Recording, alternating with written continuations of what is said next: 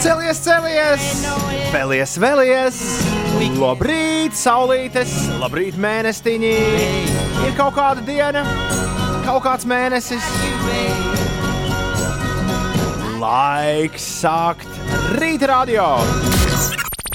Grēviņš, Ziediņš un Puķeka 5 rīti. Eterā katru dienu starp 6 un 9. Lai teiktu mums visiem, labrīt! Labrīt, Rīga, labrīt, Latvija, labrīt, pasaule, labrīt, saulīt, Inesē! Labrīt! Labrīt, mēnestiņa, Uldī! Labrīt! Nu, re, te nu mēs atkal esam. Ārā baigi skaļi putni dzied, bet uh, man bija jāaiziet, jāaiziet līdz garāžas studijai šorīt savākt viens vērķis, kas ir bišķiņu inženierim jāpalabo. Un pietika ar šo gājienu vienkārši sporta jāciņā, lai saprastu, mm, šorīt vēl tomēr ziemas jaku uzvilkšu. Tomēr. Nosvīts gan arī esmu tagad pēc 25 minūšu velo brauciena, bet, bet bez būtu bijis bišķi paaugst, bišķi paaugst. Man šķiet, ka kāda plus 7, plus 8 ārā. Un gan uh, liels tāds bezvējš, bet ir arī migla. Un kā jau zināms, tajos miglas rītos mēdz būt vēsi. Ir jauns nedēļas sākums, ir pirmdiena, ir pēdējā nedēļa maijā. Jūnijas iet vaļā jau nākamnedēļ. Iedomājieties! Ai, Amba! Maijas paskrēja tikpat ātri kā aprīlis. Unbelievable! Jā. Lielos Wow, bet ko? kā šorīt izskatās televīzijas tornis miglā? Uhuhu. Es pieļauju, ka visiem tas ir jāapskatās. Kā tu- uz tornis TV. Nevis TV tornis, bet tornis TV var apstīties webkamerā. Es jums ielikšu čatā bildi. Uh, Es pilnīgi, es ne, ieslēdzu pirms tu pateici par miglu un biju pilnīgi pārsteigts. Uh. jā, Oh, wow, tiešām ir milzīga miglā. liela migla. Mm, jā, nu tā viņi tik uz, uz tādiem la laukiem redz pilsētā. Nav tā, ka brauc Starp mājām Jā, ka brauc, brauc pa ielu un ir starp mājām migla. Nā, tā nav. Ines, tu esi Bauskā vai tu esi Rīgā? Kur tu esi? Uzmini, nu, es esmu Rīgā. Tu esi Rīgā. Okay. Uldis arī joprojām Rīgā. Jā, Nav, nav pārnesis savu studiju. Tev bija zīmīgs sapnis par to, kā tu netīšām paliec kaut kādā vietā. Tu vismaz kaut ko tādu mums rakstīji. Jā, tas bija svētdien no rīta, laikam es no, noliku savu pagulēt. un Es sapņoju, ka es kaut kādu iemeslu dēļ esmu liepājā. Iespējams, tāpēc, ka sestdienas vakarā bija, bija domāšana, ka varbūt jāpaliek cēsīs un jābrauc svētdien, bet negribējās pa lietu braukt. Un svētdien solīja ļoti sliktu laiku. Un līdz ar to nu, atbraucu mierīgi kaut kādiem septiņiem vakarā vai astoņiem uz Rīgu bez, bez, bez, bez, bez, bēdu. Bet par, par to sapņoju svētdien, ka es esmu liepājā. Nezinu, kāpēc liekas, kaut kāds koncerts bija, bet īsti tu nevarēji saprast, kas tas tāds. Un jābrauc uz Rīgu. Jābrauc uz Rīgu, jāizbrauc brīdī, kad vēl ir gaišs ar motociklu. Bet ir kaut kāda desmit vakarā, kas nozīmē, ka tūlīt jau būs krāsa un tums. Un pa tumsu dikti negribas braukt, jo tur visādi zvēri skrien uz ceļiem ārā un kas tik vēl ne. Bet nezinu, kāpēc jābrauc un jābrauc, tāpēc, ka otrā rītā jābūt ēterā. Un tad bija kaut kādas sapnī, visu Ar laiku bija mociju jābrauc, nevis ar mašīnu. ar mocijā. Un sapnī visu laiku nezinu, kāpēc bija tāda uh, minstināšanās, un tā arī es neuzzināju, ko īsti es kādu lēmumu es pieņēmu, jo pamodos. Jo bija doma palikt liepājā viesnīcā, bet tad vajadzētu, man nav līdz datora. Un tad vajadzētu kaut kādu atrast, kaut kādu vietu tajā viesnīcā, kur ir kaut kāds, vienalga, kaut kāds biznesa centrs vai kādu viņi to sauc, kur ir dators, kur es varētu trokšņot no 6 līdz 9. Nu, jo mums taču jāiet ēterā. Ir. Jā, Jo citādi telefons ir, it kā viss varētu tur iezvanīties, bet nav tā datora scenārijs un tā tālāk. Un tad vēl bija doma laikam, par kaut kādu viesnīcas meklēšanu grobiņā, jo es tā, tā kā sāku braukt. Vai grobiņā vai skrundā. Es nezinu, kā. Tur grobiņā ir kaut kas ceļa malā, kaut kāds. Skrundā, Kaut kāds- skrundā ir tagad pils. Man šķiet, kur viens, viens pavārs šeptējis, tu pie viņa varētu palikt. Nu jā, to es nezināju, bet par grobiņu vēl bija doma. bet tā arī es nezinu, vai īsti sāku braukt un meklēju kaut kādu datoru aizņemties, un beigās es pamodos ar domu, ka vajag tomēr to šmaipadu. Jā. Dzīve ar šmaipadu ir labāka nekā dzīve bez šmaipadu. To es pavisam noteikti varu teikt. Vai mēs varam tevi apsveikt? Nē, Ah. man joprojām ir lienāts šmaipads. Nu, šis, nav, šis nav laiks, kad ir jāpiedod, piedodiet, Ines un Ulu, skatoties uz jūsu pirkumiem. Protams, liels prieks, bet šis nav mirklis, kad es varu atļauties nopirkt pat desmit pārus jaunu zeķu. Par nopirki nerunājām. internetu. Es nopirku, jā, es nopirku internetu, un tad, tāpēc arī lieciet man mierā. Es sēdu, sēžu pie televizora, baudu savu ātrā internetu un skatos, skatos visu, kas tur vien ir iekšā. Jā, bet es, es jau es vakar vakarā paskatījos mazliet, un, un lai kā. It kā nu, tā, zin, kā liekas, vajag jau tur to labu. Nē, es nepirkšu. Nē, nē, nē man nav vajadzības. Tas mm, sapnis bija mānīgs. Vienīgais, ko es no tā sapņa mācījos, ka reizēm braucot uz kaut kādiem tādiem pasākumiem, kur draud iespēja palikt pa nakti, ir jāpaņem līdzi dators. Jo patiesībā es jā, jā, Es, jā. es sestdien biju cēsīs un iebraucu pie kolēģa lauku mājās, kur nebija redzējis divus mēnešus. un Tur viņam ir tāda jauka terasīte ar tādiem vasaras krēsliem, un tik, tik labi pasēdēja saulītē un iedeg. Un, un uz tās terases būtu ideāla vieta, kur strādāt sešos no rīta. Tur tu draudēja vispār- palikšana pa nakti. Ja? Nu, tur draudēja palikšana pa nakti, bet es nepaliku tāpēc, ka nu, pirmā reize man bija tāds tālāks brauciens, un, un es negribēju braukt no rīta pa lietu. Mm. Jo, jo ceļš šobrīd ir tālākais, ko es esmu pieveicis vienā rāvienā, 80 km. Tas nozīmē, ka tas dibens sāk pievest. Pišķiņ. Bet, ja būtu līdzi dators, es patiesībā varētu tur mierīgi tikko silts laiks. Tur ir, ap, es paskatījos, tur mans mobilais internets tur laiž līdz kaut kādiem 50 megabitiem, jā. Kāda vaina? un apkārt ir tikai un vienīgi mežs un gaļbikšs. Vai gaļ, gaļ, gaļpieši, vai gaļbikši, vai gaļbiksīts. Man liekas, ka nosaukums ir uh, abi divi nosaukumi der. Pie tā arī paliksim. Tā tad morāli paņem līdzi datoru, ja draudz palikšanu pa nakti. Jā, Jā un Bet- bet, pa, pa, pasties, tu, bet tas nozīmē, ka tu vari raidīt patiešām no jebkurienes. Ir īpaši šajā laikā.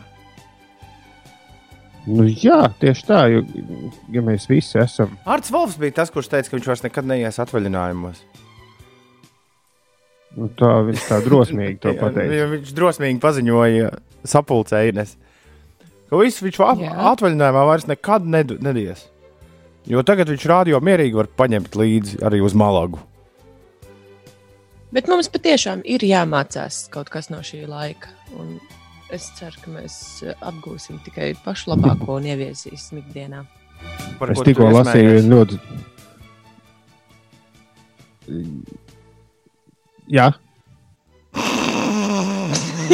Nē, es, es vienkārši nedzirdu. Es nedzirdu, vai tu runā vai nerunā. Es nu, gaidīju, kurš no jums kaut ko teiks. Nē, nu, to man bija priekšroka, jo Toms ir studijā. Labās rokas liku. Jo, nu, jā, jo, ne, jo tas, kas ir tehniski interesanti, ko jums varbūt grūti saprast, man liekas, Inesē ir tāpat, ka, ja mēs ierunājamies vienlaicīgi, tad man momentā pazūd Toms skaņa.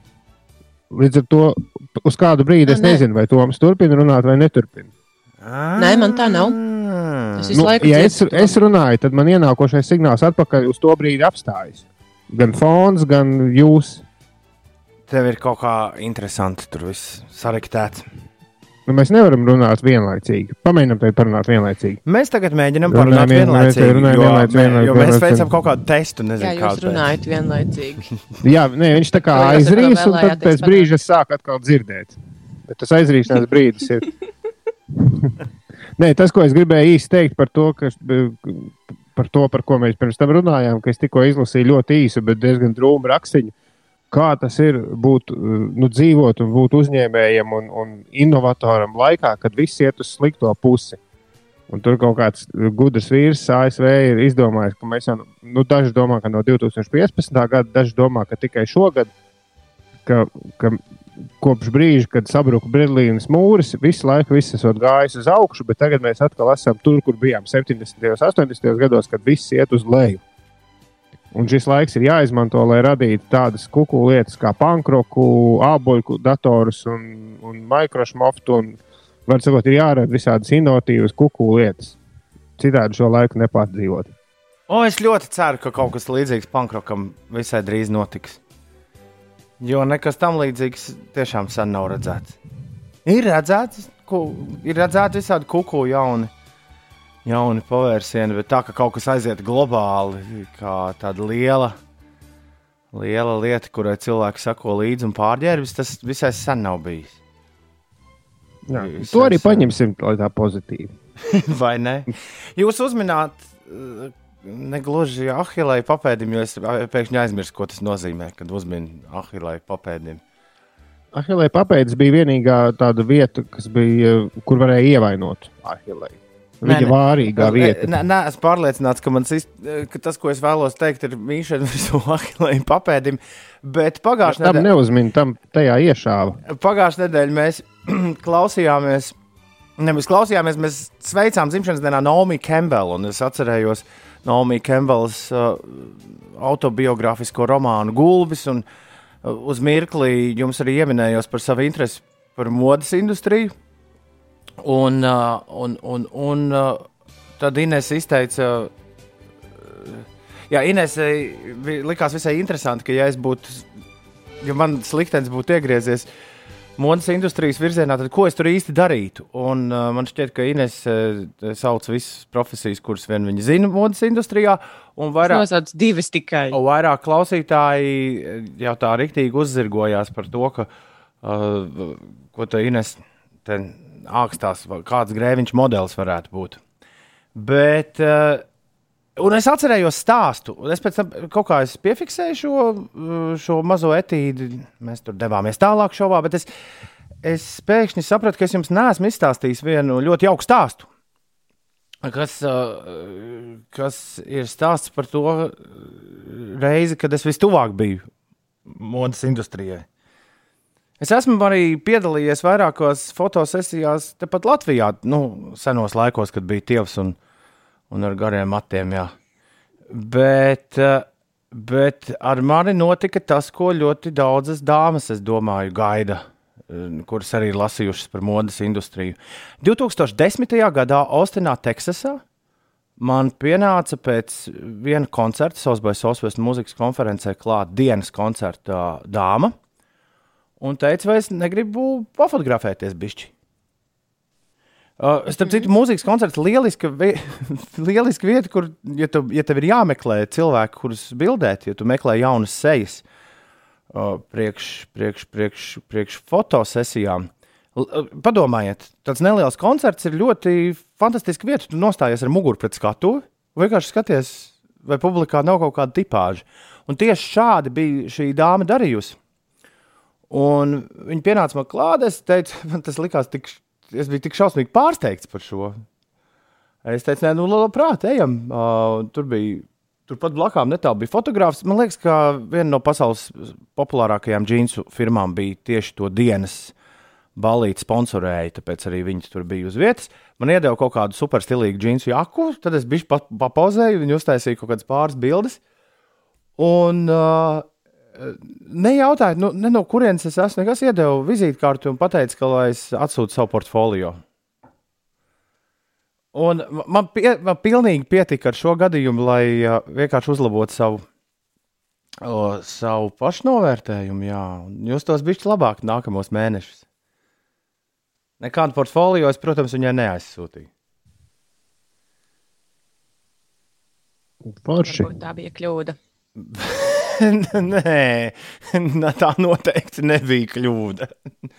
tā noteikti nebija kļūda. Tāpat tā noteikti nebija kļūda uh, neveikt visus uh, nepieciešamos, nepieciešamos apmēram ap to pašu laiku, nevis agrāk.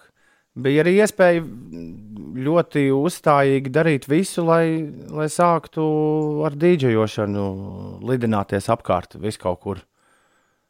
Bet tad atkal mājās viss kaut kas nebūtu noticis. Tajā brīdī, kad es, es nekad neesmu gribējis dzīvot kaut kur citur. Un tajos brīžos, kad šādas iespējas uznākt, tad uh, es tā pasmējos un saku, ah, nē, viss labi, viss forši. Tā tad to var dabūt gatavu, ja gribētu. Mm -hmm. Tā kaut kā. Jā, bet šo stāstu man liekas, es nebiju jūldi par šiem gadiem stāstījis. Kaut ko es par to Ostinu esmu dzirdējis. Tur viss kaut kas ir noticis. tur ir tomēr trīs gadi. Trīs reizes es, esmu tur bijis. Tur ir visādi forši notikumi bijuši. Bet tagad tur nekas nenotiek. Tāpat kā visur citur. Jā. Es, tik, es meklēju šo tikmēr uh, stāstu ļoti aizraujošu, bet man īsti nav ko piebilst, jo nav, nav līdzīgas pieredzes. Bet es tikmēr meklēju attālumu līdz cēsīm. Jo pats Ančiks tas apbrauc augumā, ka nezinot, nezinot attālums. Ceļš uz Rīgā ir 93 km, nevis 80. Vēl pa Sančiks brauc U- Uldim virsū, Ines, par to, ka Uldim vajadzētu vēsturisko pilsētu apskatīt. Ir tīpaši Cēzu pils parku. Jā, Es nu, tur nu gan Uldi? tur nu gan Uldis nekad nav bijis. Es, es tur ceļos pat esmu bijis viena kolektīva dalībnieks un tur uzstājies regulāri kā vietējais. tā Kā. Bet, uh, un, jā, un man nu, ļoti daudz visādi sakars ar ceļiem bijis, gan privāti, gan profesionāli. Jā, Bet, bet, eh, tikai tu in- nezini, cik bet interes- kilometru līdz cēsīm ir. Jā, bet interesanti tas, ka man arī likās, ka Rīga ceļš ir 90, pie, virs 90 km. Man vienkārši tas gala mērķis bija bišķi pirms ceļiem pie Malturiem, kur ir kaut kādi 75, pat nepilnā 80. Bet ir interesanti, ka meklējot kartē Rīga ceļš, nu, man, man šķiet, ka bija mēra no, kā tur ir no pasta No līdz pastam. Pasta. Jā, Nu, katrā ziņā ne no robežas līdz robežai, jo man no mājām līdz ceļiem ir uh, 80 vai 83. Un vienīgais veids, kā var dabūt virs 90, ir braucot caur, caur unguriem, nu, pa to pa Balmieras šosei. No pasta līdz pastam es vēl neesmu izmērījis, un es nekur nevaru atrast, vai tiešām tas no pasta līdz pastam vēl ir spēkā. Kur vispār Rīgā ir pasts centrālais? Pie lidostas, vai ne? Mē, mums ir bijusi šī saruna. Jā. Mums, Labi, ir, bi- mums bet- ir bijusi šī saruna, jo es biju pārliecināts, ka visi kilometri tiek mērīti no Rolanda. Tas notika kaut kad no Rolanda pieminekļa. Nē, ir tāds vēsturisks. Senos fakts. laikos tā bija. Jā. Varbūt, var jābūt. Jā. no, no, no tās smailes, Rolanda Zobena. Mm, Mm, tas, mhm. tā, tā, tā agrāk darīja, bet tas, tas kaut kad atcēlās. Man liekas, ka tas atpakaļ pieņems nav. Bet katrā ziņā mācība tāda, ka cēsis ir tuvāk nekā man likās. Un tas arī viss. Nē, pats Ančiks, šoreiz es nebiju cēsīs iebraucis. Es biju pirms cēsīm mežā un nevienu parku tur neredzēju. Tālūk. Man varbūt jāaizbrauc uz cēsīm. Tur ir klubs, kurā visi dīdžeji, man liekas, būs pa pandēmijas laiku uzspēlējuši. Atālināt kaut kādas Viņi platas. tiešām, man jautājums, vai viņi tiešām uz turieni brauc? Jā, jā, À, jā, jā, jā, jā, jā. Sestdien vakarā arī p- pirmo reizi, man liekas, pats bija pieslēdzies. Man divi draugi, Kārlis un Kalvis, lika plates. Ļoti fēni. Sēdi virtuvē. Bet viņi rīktīgi vēl to darīja. Man liekas, bija kaut, kād, kaut kāds pusviens. Sēdi virtuvē un klausies, kā divi plati spēlē. Un kas vēl vajadzīgs pilnai laimei? kādu kotletu. Nu, Tā jau ir. Tik daudz jau vēl ir. Vi- Tik, viss vēl nav zaudēts. Man te ned nedod mieru. Kāpēc? Nu, kāpēc angļu par sausage mītu sauc malto gaļu? Viņiem viss, ko liek burgeros, ir sausage mīts. Mums, mums, man liekas, ka sausage tomēr asociējas ar, nu, ar tādu nu, vai nu mājas desu, vai doktora desu, nu, kaut ko tādu. Veiklā Jā. nopērkam, nevis malto gaļu. Tā, jā. Labi, es tagad laikam bišķiņ tiem, tiem, kuriem labi basi mašīnās, bišķi tos basus padarbināšu. Lai, nu jāpārbauda, vai pa brīvdienām jums tur nav kaut kas aizgājis, aizgājis šķērsām ar tiem. Kā tāda stipra Earl Grey tēja, Foo Fighters un Run! 6,27. Labrīt! Oficiāli ir sākusies vasara!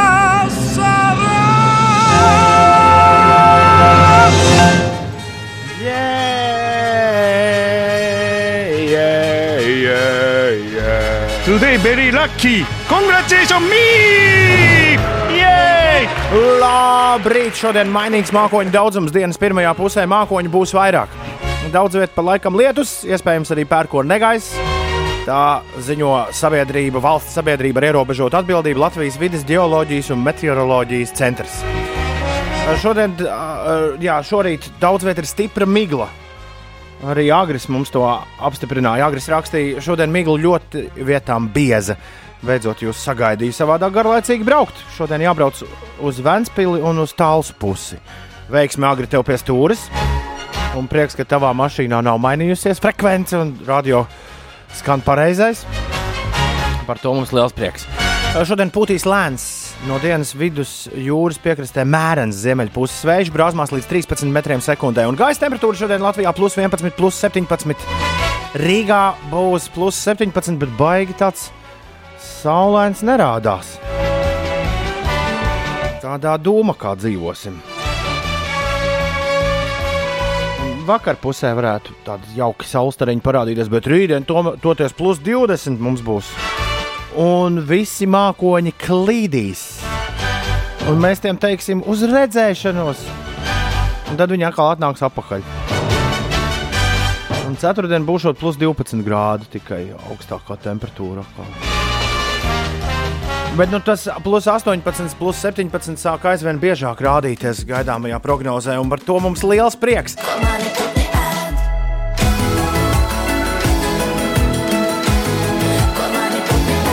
Kādu laiku šis nebija dzirdēts? Kas par varenu skaņdarbu? Kato! Es, protams, aizdomājos par to, ko mani putni ēd. Man putni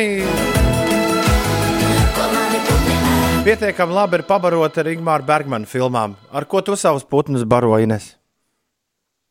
Mm, kādā ziņā? Es vakar augstos upus taisīju. O, ļoti labi. Ļoti labi. nu, nu, Uldo, tu? Hmm. Laikam jau ar kā mocīti, vai ar tām ne? pastaigām. Ar mocīti. Ar? Ar mocīti, mocīti. Ah, nu arī, jā. Vrum, vrum, vrum, vrum. 6,32. Labrīt! Uhu, daudz pusseptiņi modinātāji uzgājuši nu pat gaisā. Labrīt! Mēs jau esam radio, jā, viss kārtībā. Atrakstiet, vai ar jums arī viss ir kārtībā. Uldis, eh, tavs vārdu brālis, Uldi, ir tikko noskatījies tavu vakardienas vāveru video. Un pacēlis O, savu pirmdienas noskaņojumu. Amazing, lai visiem laba nedēļa. Tā, ko es esmu palaidis garām? Es esmu palaidis garām Oh, es arī neesmu redzējusi. vāveru video. Tas ir Instagramā, es pieļauju. Nē, tas ir uh, Twitterī un Ak, Facebookā, ak, bet es Dievs, ar, kā mēs- arī jāuztais arī, Ārprāts. jāuztais arī kaut kāds, bet viņš ir 21 minūtes garš. Oh, Ko, lūdzu? garš. Es, es domāju, ka jūs nenoskatīsieties tagad. Nē, tas nav mans video. To es, es vienkārši padalījos tālāk. Ah, tu esi atradis YouTube visu laiku labāko vāveru video. Tas ir pa, svaigs vāveru video, un, un tas čalis, kas to uztaisīja, viņš ir bijušais NASA inženieris. Un, viņš ik pa laikam taisa tādus ļoti zinātniskus uh, vairāk video. Viņam viens no, es, un pie tam es dīvainā kārtā visu biju redzējis.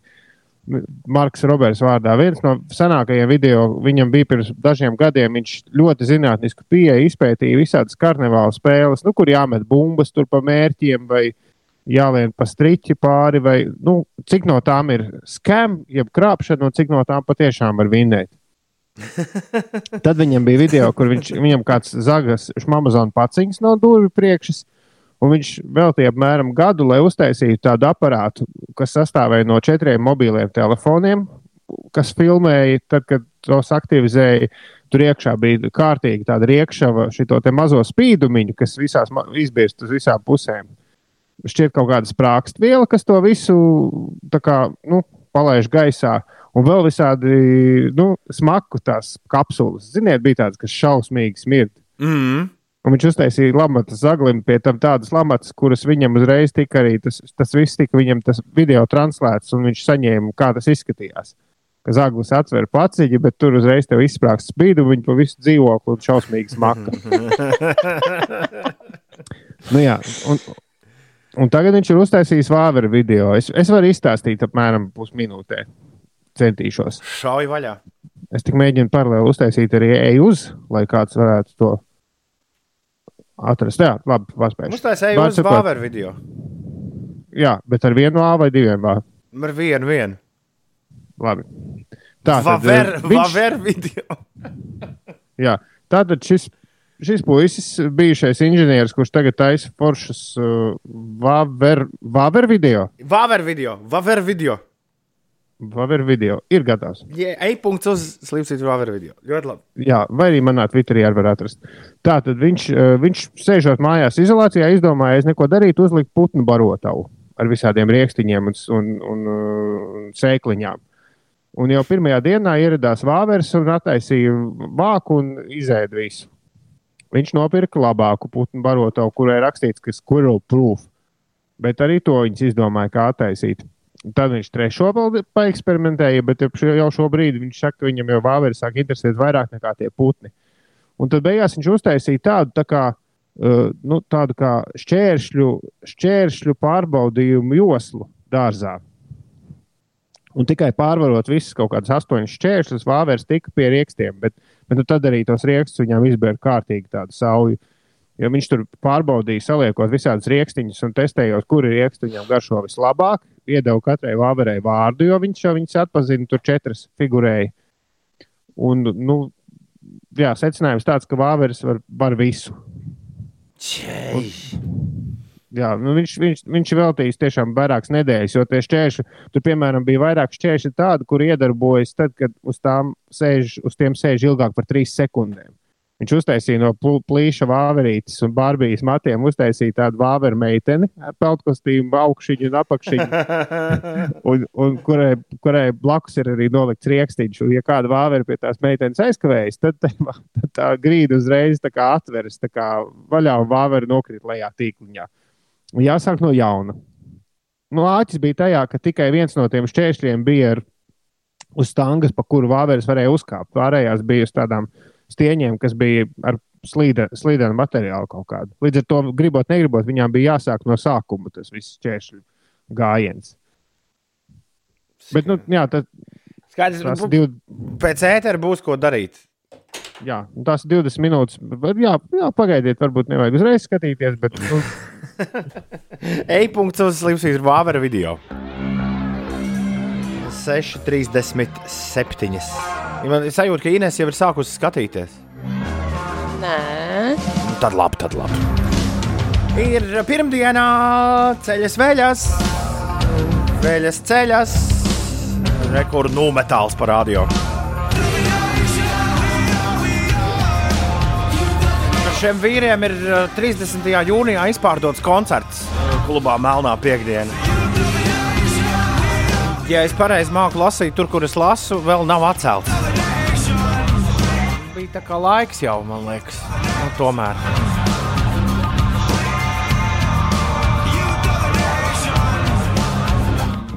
Man- ļoti mulsina šis atcelts, atcelts, pārcelts.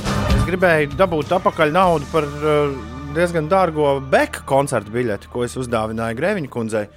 Un šī man saka, ka tu biji, re, kur atradusi rakstīts kaut kur internetā, tu biji rescheduled. Kas nozīmē, ka tu ar to pašu biļeti tur tiks vēlreiz iekšā. jā, bet tu naudu vari prasīt atpakaļ. Man šķiet, ka man par pie, piekdienu nenotikušo uh,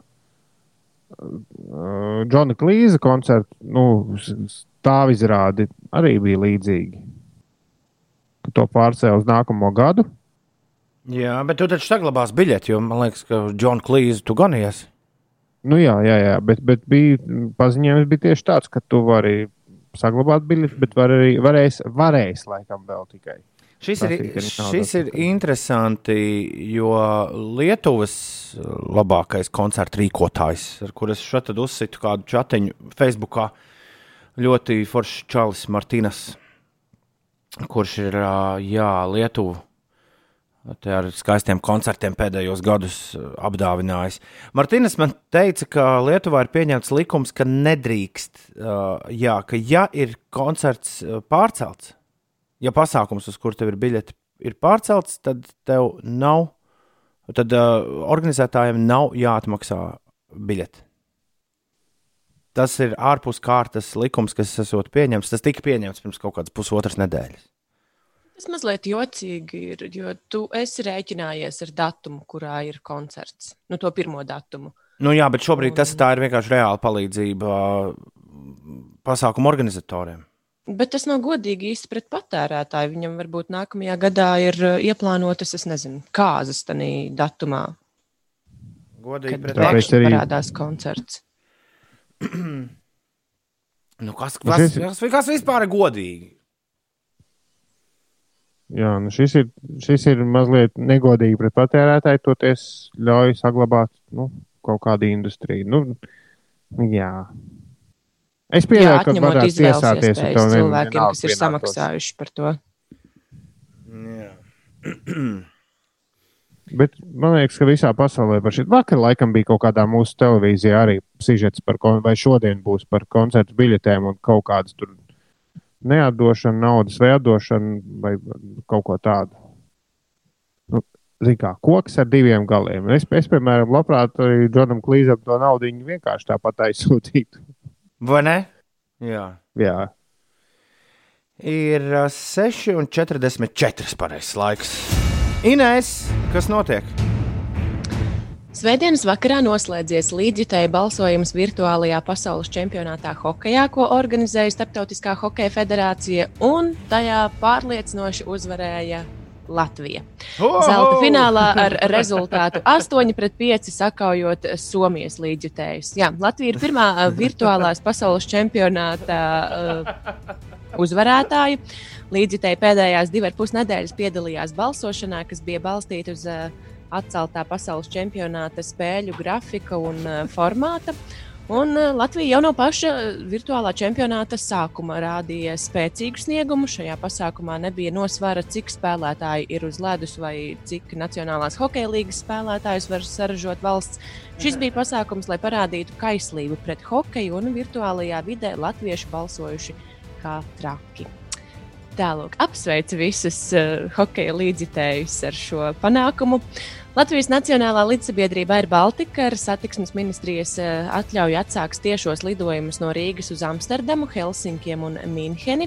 Jau no pērnās nedēļas katru dienu uh, līdzsabiedrība veic tiešos lidojumus turp un atpakaļ uz Frankfurti un Oslo, un avio kompānija veic arī lidojumus uz Tallinu un Viļņu. Savukārt no 1. jūnija atļauti lidojumi arī uz Hamburgu un Berlīni. No 8. jūnija uz Vīni, bet no 9. arī uz Diseldorfu. Un lidojumos visi pasažieri Tur kāds ņems mūs pretī? Ko? nodrošināti ar sejas maskām un dezinfekcijas Nu, nu, sāpēm. izk- izk- Izkāps vīnas lidostā un ko tālāk? Nu, paskaties, lidost un brauc atpakaļ.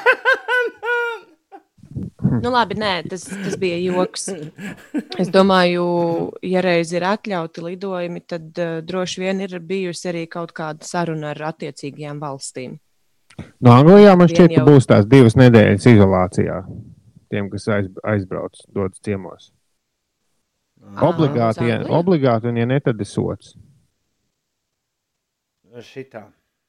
Jā, un es tikmēr atradu, ka kaut kādi lielie pasaules biļešu tirgotāji arī bija mēģinājuši šo gājienu, ka, ka faniem nepienākas, nu, ka, ka fani ir no kaut kādām tiesībām atteikušies pērkot biļetes. Un, un ja, ja pasākums ir pārcelts, nevis atcelts, tad var neatmaksāt. Bet Amerikā bijusi jau kaut kāda lielā tiesa un, un, un ātri vien. Tas ir, nu jā, ka, ka jebkurā gadījumā tie, tiesības saņemt naudu atpakaļ, ja pasākums tiek pārcelts, esot biļešu īpašniekiem. 6,47. Bet, Līdz ar to, nē, nu- interesanti, vai. Uh, Vai Lietuvā kāds tiesāsies? jā, nu, tu jau redzēsi. Katrā ziņā tas, jau tas esot uh, uh, Amerikā bijusi nu, klāsts action lawsuit. Tas ir tā, laikam, ka kāds advokāts izdomā savākt daudz, daudz, daudzus. Interesanti, Nu, tiesa zumā notiek tagad.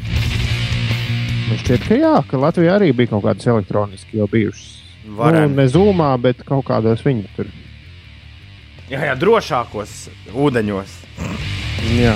Un arī kongresmeņi iesaistījušies līdz ar to tiketmāsteri laikam. Gatis joprojām gaida naudu par Enrikas Iglesijas nenotikušo koncertu. nu, bet tā jau Rīgā. bija Bet tas jau bija skams. krāpšana. Tas bija skams, jā. tas ir bijis savādāk. Šitie visi koncerti, kuriem bija jābūt šajā laikā, jau būtu notikuši tikai. Un vienīgais, kas laikam ir atcelts, kā atcelts ar lieliem burtiem, ir mūsu draugsĀrijas Taprāns, Lauva. Tam bija, tam bija jābūt vakar vakarā. Mums bija vakar viņam afterpartijas jārīko. Atcerieties, bija tāda lieta. Jā. Es viņu, mēs ar Lauru viņu satikām novembrī, uh, oktobra beigās, uh, Hamburgā. Un uh, vakar, šorīt būtu tas rīts, kad mēs ar visu lauku kopā nāktu pat no, no afterpartiju uz ēteru. Fū, nu, Jā. labi, labi, šis ir. Šis arī aizbraucis garām. Bet jā, viņa koncerts, es saprotu, ir atcelts pavisam. Un ir cauri. A, klau, klau, klau, klau, klau, klau. Sestdien, tad nu, beidzot tika temperatūra uzgriezta daudz maz jēdzīgā, jēdzīgā jā, augstumā. Un, un, Jā, un vakar atkal nogrieza. Bet nebija, nebija tik traki. Es vakar, šo, es vakar šortos Ines, skrēju 14 km. Bija baigi feini, baigi feini vienalga. Vairs, vairs jau tā, ka brrr, jādarbinās. Tā vairs negriezīs. Es īsti Jā, vakar, Jā? vakar prasījās ziemas jaku, bet, bet tā tomēr laikam bija kļūda, jo es diezgan nu, bija silti. Nācās mm. turēt vaļā. Un, Un, uh, es īsti nesaprotu, ko Kaspars raksta. Viņš raksta, ka šorīt pat lielajā nebija jāslēpjas mašīnā. Bet man liekas, tam arī ir kaut kāds sakars ar laika apstākļiem.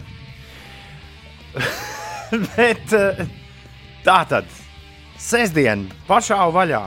Uldis uz moča, Ines uh, tervetē, vai ne? Jā. Mēs katrs, katrs kurais, ko, ko grēviņš darīs? Grēviņš ņem savu junioru, un sēdina uz velosipēda un laižam uz jūru. Laižam uz Mangaļsāles molu. Tādu Edvīns, mans trīsgadnieks, nav redzējis nekad. Domāju, viņš parādīs šim. Stundas laikā aizmināmies, es vienmēr aizmirstu. Tad, tad, tā, tur ir forši skriet, bet tur ir tās smiltis vienā brīdī. Tādas, ka tev jākāpj no velosipēda nost un viņš jāstumj. Tu nevari pabraukt. Nu, Nav jau garš tas posms. nu ir gan. Nu, vi- viņš ir pie kilometra apmēram. pie paša mola. Uh, Kādus divus kilometrus pirms māla. nu, es, es daru tā, ka es braucu vecāku līdz zvejas ielai, tad pa kreisi, un tad es iebraucu mežā, un tad caur to mežu tieku līdz mālam. Jo Man, nu, tas, man šķiet- ir, tas ir ļoti slikts ceļš velosipēdam. nu, Jo ja- jābrauc caur Mangaļas salas centru. Nu, tā kā nu, pārbraucot pāri tam autobuss jābrauc Mangaļas brauc. salā, tā kā autobus pa kreisi. Tad tu brauc pa asfaltam un līdz pašam molam. tā tu man ieteiktu nākamreiz darīt. Nu, jā, jo tas meža ceļš ir pat ar kājām grūti izteigājams. Nē, es, Līkums es, gan es, Vienīgi es tur esmu Ar skrējis. riteni un mazu bērnu varbūt. Nu, es nezinu, cik tur mašīnas daudz braukā. Tur nav daudz, ne, nebija tāda sajūta, ka rīktīgi daudz. Bet, Bet uh, tad tur ir smiltis un pēc tam atkal ir asfalts. vai ne? jā, jā, jā. Tur vienkārši jātiek tam smilšu, uh, smilšu slānim garām. Bet, bet nu, tu, kā, to ir vērts. Es, es domāju, ka vienalga ir vērts braukt pa to meža ceļu. Nu, Strūns par to, ka bišķi jāpastumj ritenis. Viss labi. Tikām gan turp, gan tikām atpakaļ. Kaut, uh, kaut izskatījās, ka, nu, labi, nesteigsimies notikumiem pa priekšu. Aiztiekam mēs līdz molam, un diezgan tomēr pūš. Un uh, cilvēku daudz. Un trīsgadniekam mēs neesam vēl pat tā kārtīgi pa- pa to molu pagājušies. Trīsgadniekam uznāk tāds, ka nē, nē, viņš negrib nekur iet. Viņam bail, ka iekritīšot jūrā un nekur neiesim. Gribas vienkārši smiltiņās paspēlēties. Nu, labi, uztaisīju uztais mazu bildi, lai mammai ir ko aizsūtīt. Un, uh, ejam smiltīs spēlēties. Bet nē, smiltīs nespēlēšoties pludmalē. Kaut kā jā, tā ieslēdzās tāds, ka kaut, gribu tur, kur ir droši, droši tur, kur es riteni esmu pieslēdzis. Riteni es esmu pieslēdzis pie liela uh, uzraksta dziļš ūdens. Ejam atpakaļ pie riteņa. Tur Edvīns ķeras klāt ar. Viņam divi spidermeni līdzi. Ar šiem spidermeniem tagad tiek uzrakta Mangaļas salas zeme. Un nu, sākas lielā spēlēšanās. Es domāju, nu, labi, bērns paspēlēs. Es arī paspēlēšos, apsēdos, apsēdos blakām, izvilku no kabatas savu Elenas kauliņu spēli un aiziet. Uzspēlēju pāris mačus. Nu, Feini. Tad, kad, apsēžu zemē, tad arī viss tas vējš pazūd. Baigi, baigi, baigi forši. Un cilvēks staigā, un mūsu klausītāji vairāk saka, čau, Tom, es saku, čau, jā, un atkal uzmet tos kauliņus. Un, nu, riktīgi jauki, riktīgi tāda jauka pasēdēšana. Un, un tagad izspēlēja spēli, saka, Edvīna, varbūt tā kā mājās braucam. Nu, tad, jā, maz, maz jau mums tas prieks no tā mangaļas salas mola tika. Bet, nu, Vismaz redzēju. nu, jā, jā, jā. Brauksim tagad mājās, pa ceļam hotdogu, oh, uzēdīsim, kaut kur piestāsim. Plāns gatavs. Bet kur ir atslēga šitā velosipēda? Te bija, bija kaut kur jābūt. Maisiņā ieliku vai kur? Jo, Haidī! Jā, nu, tiešām, nu, malacis. Mēs cik mēs divas, trīs minūtes bijām pagājuši pa to molu, un es esmu pamanījies, pat tam lāgam pazaudēt velosipēdu atslēgu. Mm, jautri. Kabata cauri. Nu, nē, vienkārši šo, es jau varu uzvilkt vasarnieku šortus. Par tiem man parasti visi smējās mani cīņu biedri. Ka, ja es ar tādiem iekāpu mašīnā, tad varēju uzvārīties mašīnas īpašnieks, jo grēviņam viss nauda izkrita ārā pa kabatām. Nu, jā, un nu, rīktīgi, tagad, ko, ko lai dara? Es domāju, nu, labi, taks mēs varam izsaukt, bet tas tad mēs aizbrauksim, bet kā, kā tur apakaļ? Un, jādabū kaut kāds instruments, ar ko pārknept. Ar ko pārknept to. Un, nu, tā, Visādas do, divas atslēgas. visādas domas man šaudās. Nu, tagad būs. tagad būs. Es domāju, nu, kam jā, jā, jāmeklē palīdzību. Kā mēs, Tagad tev bija- kā mēs Uldis, Tev bija, tev bija, uz, bija pirms, eh, tev bija tas pats pakaus uztaisīts atkal kas cauri ritenim, vai tev bija tomēr tāda nu, parasta atslēga? Man ir parastā Nu, kā? atslēga. Nē, man ir parastā atslēga. Trose, ja kaut. Bet, jā, jā, jā. Es, es nelietoju šitos. Te. Tieši šī iemesla dēļ, ja ir jāzāģē pušs, tas. Uh, Nē, nē, es domāju, vai tev bija tas holandiešu iebūvētais? Nē, man nebija. Nē, nē, nē, nē, nē, nē, nē, nē, nē, tas nav atjaunots. Nē, nē, nē, man bija, man bija trose. Skaidrs. Un, uh, un kā, kā mēs zvanām Ines situācijā, ka viss ir slikti? Kas ir pirmais cilvēks, kuram es zvanu?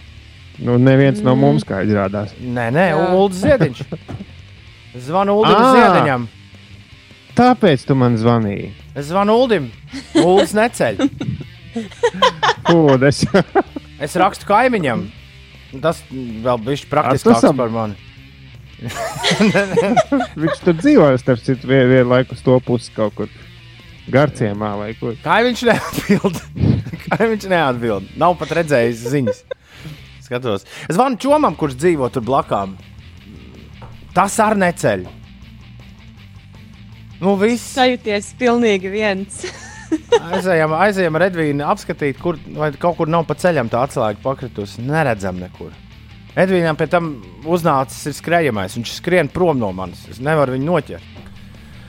Bērniem arī rīktīgi besī meklēt lietas. Tā ir, jā, Cik es- tā ir. Tā ir. Nu, tas ir baigi garlaicīgais process. Nu, jā, un tagad tad savāc visas mantas. Domāju, nu, pirms mēs dodamies uz to taksi, nu, varbūt nu, jāpadomā, nu, kā tas varēja notikt. Un tad es izdarīju tā, es izvilku no telefona atkal. Es ā, sameklēju to bildi, ko es biju uzņēmis uz mūlu ar Edvīnu. Jā. Jo es sapratu, ka vienīgā iespēja, kad man varēja kaut kas izkrist no tās kabatas, bija tad, kad es pietupos un viņu nobildēju. Un mēs ar to telefonu aizgājām vēlreiz uz to vietu, precīzi to vietu, pēc telefona, kur es uzņēmu to bildi. Paskatījāmies pa labi, un tur tā smuki malā guļ man riteņa atslēga. Šis viss prasīja 15 minūtes ēterā, kādas 45 minūtes reālajā dzīvē. Bet uh, ar lielu laimi un prieku, ka mums tomēr ir izdevies kāds piedzīvojums. Jo būsim atklāti, līdz tam piedzīvojumam īsti nebija. Mēs abi bijām priecīgi, ka mums ir bijis piedzīvojums. Ar pazaudētu un atrastu riteņa atslēgu mēs atslēdzām vaļā. Atslēdzām riteni un ripojām atpakaļ mājās. Pa ceļam piestājām. Diezgan negaršīgs bija desis, bet limonādi deva pavēlt līdzi. Tas bija vismaz labi benzīna tankā, kurā nekad nebijām bijuši. Un atbraucām mājās un, un varējām turpināt sestdienu baudīt. Nu, Tālāk mums Jā, tu man, tu man biji zvanījis 3.16 un 3.40 jau teici, ka viss kārtībā. Aha. 40, 3.45. Klausies, bet, bet jūs bijāt tajā sarkanīgajā benzīna tankā, vai ne? Man liekas, ka jā. Es ātri izstāstīšu, bet es redzēju ļoti spēcīgu pieejamību. Viņi ir sākuši likt to lietu uz kodu. Nu, nevar vairs iet katrs, kam ienāk prātā. Jā. Un to kodu tu dabū tā kā zaļķīša restorānā čekā, kad tu iepērcies. Tur ir Aha. kods uzdrukāts. Aha. Bet, bet netālu no tavām mājām, vienā benzīnā, laikam viņiem tā apnicis, ka cilvēki to kodu tur nevar ievadīt, ka viņi ir uztaisījuši uzlīmīt un uzlīmējuši uz tā koda aparātiņa. Tur uzlīmēts, kāds kods jāievada. Vienkārši doriemies, laikam, bet nu sistēma strādā.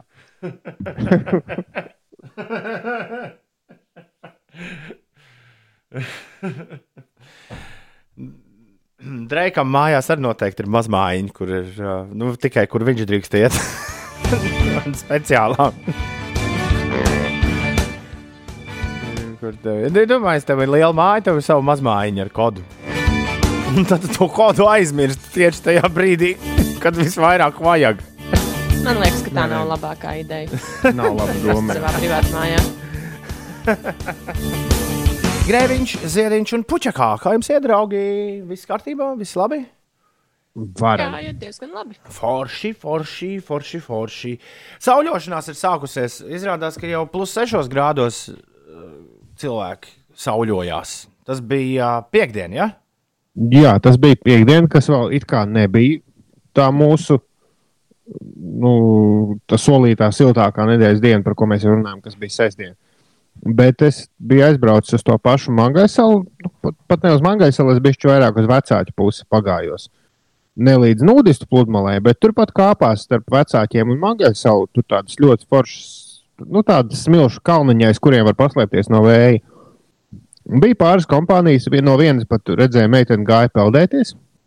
Nu, peldēšanās gan bija ļoti ātra, jo ūdens temperatūra, man liekas, joprojām ir daži grādi. Bet, Bet Bet- vispār šajā sezonā, man liekas, tādi peldētāji ir ļoti aktivizējušies. Nu, kas nu, šī nebija gada ziemas peldētāja. Viņi sauļojās, vienkārši aizgāja ielec. Bet, uh, jā, sauļotāji bija peldkostīmos, un es t- piekdien tiešām vēl bija laiks, kad ziemas jaka bija lieta noderēja. Un pie glābšanas stācijas ir pulkstenis un termometrs. Un tur sarkans uz melna lieliem cipariem bija plus 6. Vareni. Vareni. Bet vispār deguns ir iededzis mazliet tā kā jāmeklē pretapdeguma krēms pamazām. Uldis jau kur... apdedzis? Nē, Nu, vēl jau. Vēl jau ne. Varbūt. Vēl jau, ne? varbūt ir laiks. Uh, tā tad, jauku dienu vēlu savai sieviņai Zanē raksta Uldis, lai viņa eh, labi ripojas uz darbu. Un visi citi arī brauciet uzmanīgi. Labi, brauksim uzmanīgi ar pieciem rītiem kopā. Ir pirmdien, 25. maija. Ir 9 minūtes pāri pusdienas septiņiem. Labrīt visapkārt! Mostas Rīga Latvijā! Cēlies augšā! Aiziet! Laužam vēl vienu darba nedēļu. Anšlavs un Junors šodien atzīmē vārdu svētkus. Daudz laimes dzimšanas dienā latviešu garīdzniekam un arhibīskapam Jānim Vanagam. Daudz laimes angļu leļu māksliniekam un režisoram Frankam Ozam. Tas ir tas Ozas burvis. jo, Nu, jo, nē, jo, jo. tas ir. Man liekas, ka leģendārais, leģendārākais, vie- vienīgais leļu mākslinieks, ko es zinu šobrīd. Nu, viņš ir Miss Piggy, Fuzzy Bear, Animals and Cookie Monster. Un uh, viņa leģendārākā loma ir Joda. Ah, viņš, ir, viņš ir aktieris. Viņš ir aktieris. Joda, Nē, viņš ir leļu mākslinieks. Baby Joda. Nē, lielais Joda. Man leļu mākslinieks uzreiz liekas, ir, uh, ir Jims Hensons, kurš visas tās lēlas taisīja. Tā, bet leļu aktieris ir aktieris. Nu, jā, jā, jā, jā. Nu, viņš, viņš ir leļu, le, nu, tā varētu teikt, leļu, leļu aktieris. Jā. Viņš gan ir bijis arī vairākās filmās pats, nu, kā, kā seja. Viņš tur ir Blues brāļos. Bija. Blues brāļos viņš bija tas vīrs, kas sākumā, ja kāds redzējis Blues brothers, viņš sākumā cietumā deva visādas mantas, kas bija tur. Nu, atdeva, kas bija iedotas glabāšanā. Izrādās, viņš ir režisējis arī. Viņš ir režisējis mazo šausmu veikaliņu un visu kaut ko vēl. Un arī jodu nospēlējis savā mūžā. Jā. Neticami. Tā, šodien Annai Hešai, amerikāņu aktrisei, ir dzimšanas diena. Maiks Mājers, Smokey. Uh, šitas te, nu, kā viņu sauc? Austins Powers. Jā. Ostins Pāvers. Jā. Tas ir viņa dzimšanas diena. Kristīnai Orbakaitai, Krievijas dziedātājai un aktrisei dzimšanas diena. Ajanam Makellenam, angļu aktierim un Kiljanam Murphyam, īru aktierim ir dzimšanas diena. Jā, tas ir no Peaky Blinders. no... Jā, Peaky Blinders. Tomas Šelbijs, jā. tieši tā. Kas ir ievai auziņa daudz laimes dzimšanas dienā? Daudz laimes ievai auziņai. Jā. Lai viņai viss, viss feini. Un viss vairāk nevienam nav nekas sveicams. Kaut kā šodien tā sanāk. Pietiks. Es aizlasījos par Franku Ozu. Viņš arī labirinta filmu taisījis. Tur viss kaut ko spēlējis. Un, Wow! Iespējams, leģendārākais lēļu aktieris vēsturē.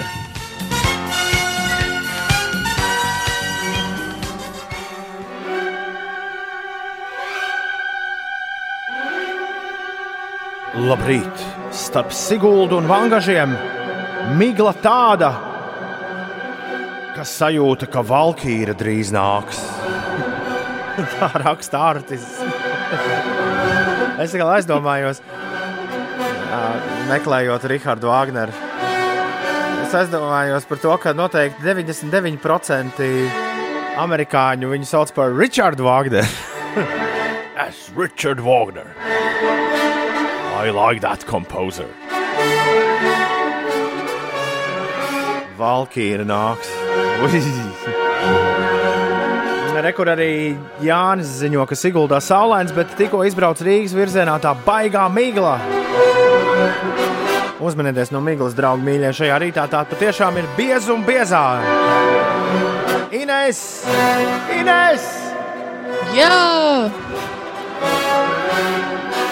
Vai tu vari mums pastāstīt, kas notiek? ja es atradīšu, kas notiek, jā, biezajā miglā, tad varu. Labi, okay. Nu, laid vaļā. Šīs mūzikas. Kāpēc ne? Nu, labi. Galvenokārt valsts centrālajā daļā, it īpaši Rīgas apkaimē, ir izveidojusies migla ar redzamību 100 līdz 400 metriem. Tā liecina dati no meteoroloģisko novērojumu stacijām. Jā, bieza migla ir sabiezējusi daudz vietā Latvijā. Tā liecina informācija arī, ko mēs saņemam no mūsu klausītājiem. Par laikapstākļiem šodien Latvijā starp mākoņiem spīdēs saule, veidosies maskustīgi lietus un negaisa mākoņi, kas vietām var sagādāt stipru lietu un krustu. Gaiss sasils līdz plus 15, plus 19 grādiem, piekrastē līdz plus 12, plus 15. Pūtīs lēns mainīga virziena vējš, kā arī mērens ziemeļu puses vējš. Rīgā gaidāms mērens ziemeļu vējš, kas nesīs vēsmu no jūras, tādēļ nokrišņi netiek prognozēti galvaspilsētā. Uzspīdēs saule un šeit gaiss iesils līdz plus 15 grādu atzīmei. Jā, kā jau iepriekš stāstīju, Svētdienas vakarā noslēdzās līdzjutēji balsojums virtuālajā pasaules čempionātā hokejā. To organizēja Startautiskā hokeja federācija un tajā pārliecinoši uzvarēja Latvija. Zelta finālā ar rezultātu 8-5 sakaujot Somijas līdzjutējus. Ņemot vērā ārkārtējo situāciju valstī un tās noteiktos ierobežojumus, šogad skolēnu sporta un prāta spēļu ZZ čempionāta fināls nenotiks. Tomēr ir paredzētas tiešsaistes sacensības ģimenēm, aicinot tās doties O! dabā un pārbaudīt zināšanas dažādās jomās. Šis gan izklausās feini. Bet uh, runājot par to hokeja čempionātu, nu, nevar... Tu jau otro izlaidumu smējies. Tu smējies par visiem, kas tur balsoja. kauns vispār nav. Virtuāli mēs esam čempioni. Reāli tu, jau tom, tu iepriekš Kāds, cilvē, nedzirdēji, ko kāds cilvēks ir aizrāvies ar šo te un, un citīgi balsojis? Un viens dunduks radio par viņu smējas. Tiešām. Es pasmiešos tūlīt par futbolu, tur premjerlīgām vai kādām tur tām līgām, kas tur ir, kas to bumbu spārda. Bet viņi spārda bumbu. Nevis Bet klikšķina, klikšķina maut. iepriekš un nedzirdēji, ka šajā pro- Tad, kad virtuālajā iestāde jānobalso, kas tur jāiebalso visu zvaigžņu spēlē, tad, tad tas šajā virtuālajā čempionātā centās noskaidrot valsti, kurā ir viskarstasinīgākie sporta veida līdzjutēji, nevis uh, spēlētāju prasmes laukumā. Viss labi, viss labi. Esam mēs ar hokeju uz tu. Viss labi. Un kā rakstīts, arī Pēters Pūrītis, vajag atrast vēl tādas lietas, kas nevienu citu neinteresē. Un arī tur mēs būsim labāki.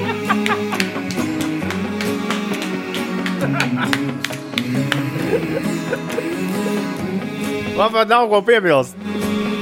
Pēters Pūrīts vienmēr runā. Tieši būt virtuālajiem pasaules čempioniem hokeja ir tas pats, kas man būtu profesionālam celtniekam Minecraftā rakstājas. Labrīt, ērgļi Rīga ceļa posmā migla ir tik spēcīga, Iveta ziņo, ka smadzenes pat slēdzas ārā. Es braucu pa debesīm, vai nu var iztēloties, ka lidoju lidmašīnā. Forši! Bet Iveta tevi ved, vai ne? Cerams. Labrīt, Tallinas šosei ir tādā miglā, kā no pasakas ezītas miglā. Braucam prātīgi, raksta Linārds. Lai gan pārgāvju ir pa pilno un slikta redzamība netraucē traukties. Domā, lūdzu, divreiz šoferīti. Un uh, Dārts, prasa, kas uz A8 jau pirms dāvājas jāsāk ripināties ar 20 km/h.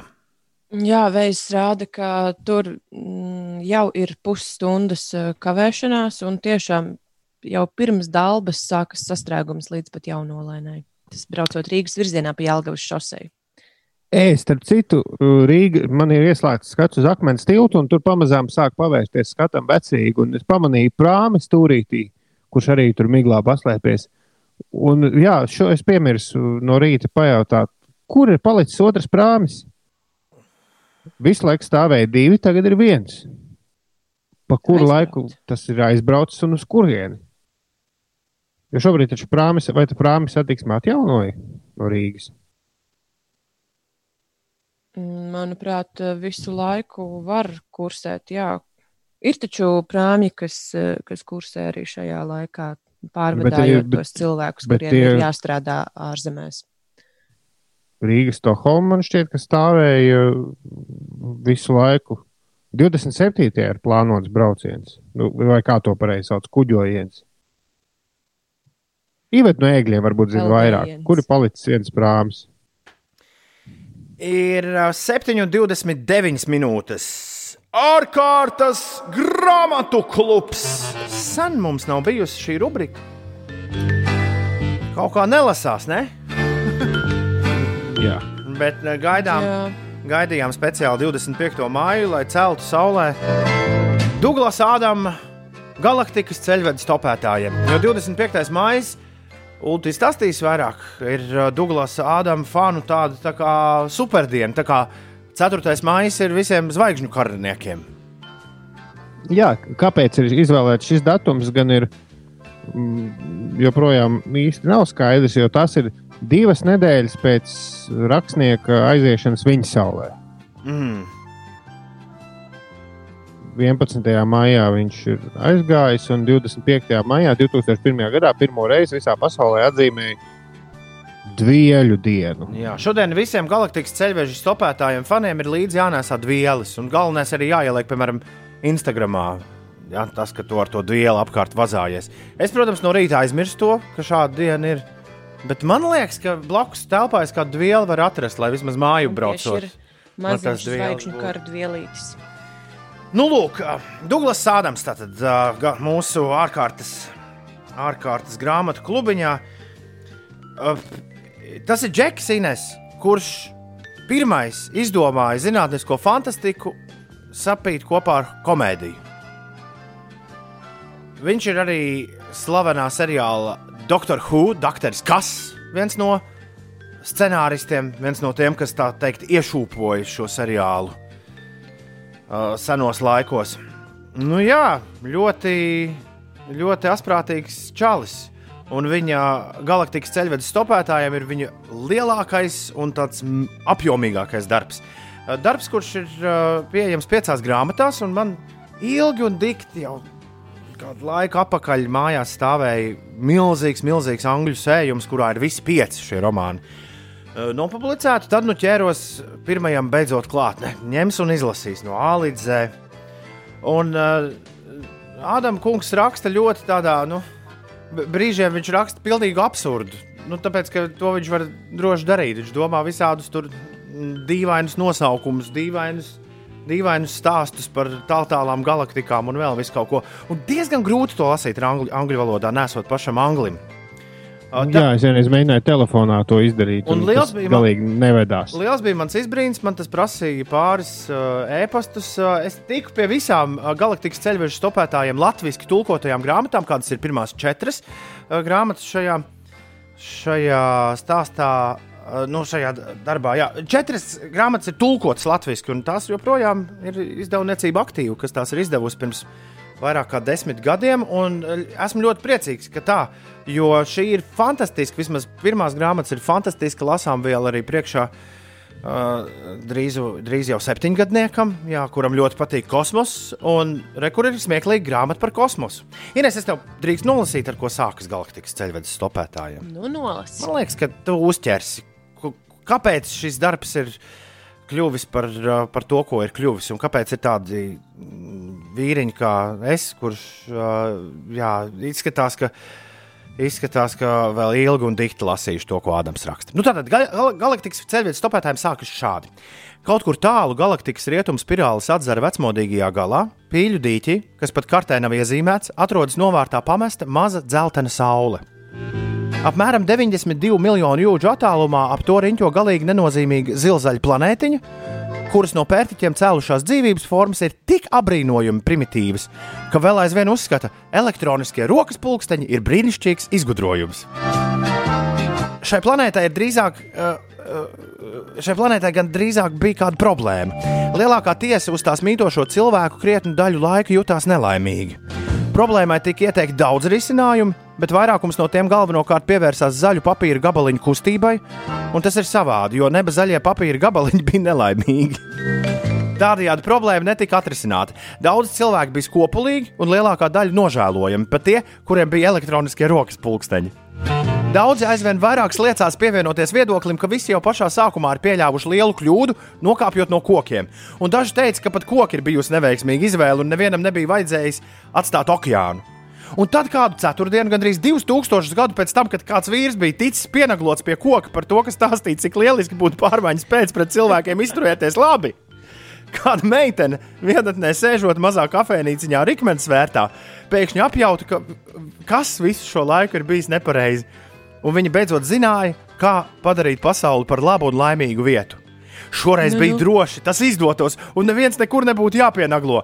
Diemžēl pirms viņa paspēja tikt līdz tālrunim, lai kādam to izstāstītu, notika šausmīga, muļķīga katastrofa, un ideja bija zudusi uz mūžiem. Šis stāsts nav par viņu, bet gan par šausmīgo, muļķīgo katastrofu un dažām tās izraisītajām sekām. Šīs ir arī stāsts par grāmatu, grāmatu, ko sauc Galaktikas ceļvedes stopētājiem. Tā nav zemes grāmata, nekad nav publicēta uz zemes, un līdz pat šausmīgajai katastrofai neviens zemietis par to nebija ne redzējis, to ne arī par to dzirdējis. Nu, tā kaut kā. Jā. Šis ir, Starp šis ir citu, tas, kā. Mēs uzzinātu, kas notiek ar to meiteni. Ja? Nē, Nē, to, Nē meitene neuzzināsim. tāpat. Bet uh, Hitchhiker's gaida sākotnēji bija grāmata, uh, radio lasījums, vai ne? Jā, radio lūga. Radio lūga. Jā. Radio lūga, un tad radio lūga kļuva ļoti populāra, un radio lūgu vajadzēja pārvērst TV seriālā, un tad, kad tas bija izdarīts, tad eh, bija jāpārvērš arī grāmatā.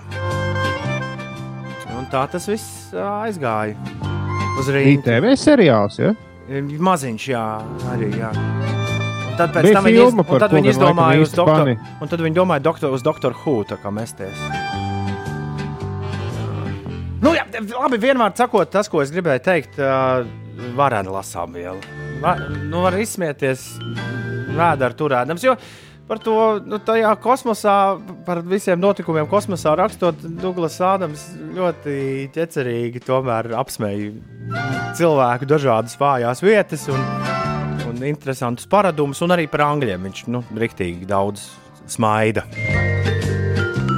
tajā visā. Bet jā, tieši tā, zinātniskā fantastika kopā ar labu satīru un brīžiem pilnīgu sviestu. Tālāk, man priekšā otrā grāmata drīz plānoja ķerties tai klāt. Bet pietiks vēl ilgam laikam. Tā, un kur, kur tas vielas bija? Jāiet sameklēt. Es atgriezīšos pavasarī, arī, arī, arī. arī. Girts Rozentāls pie mikrofona 7,42.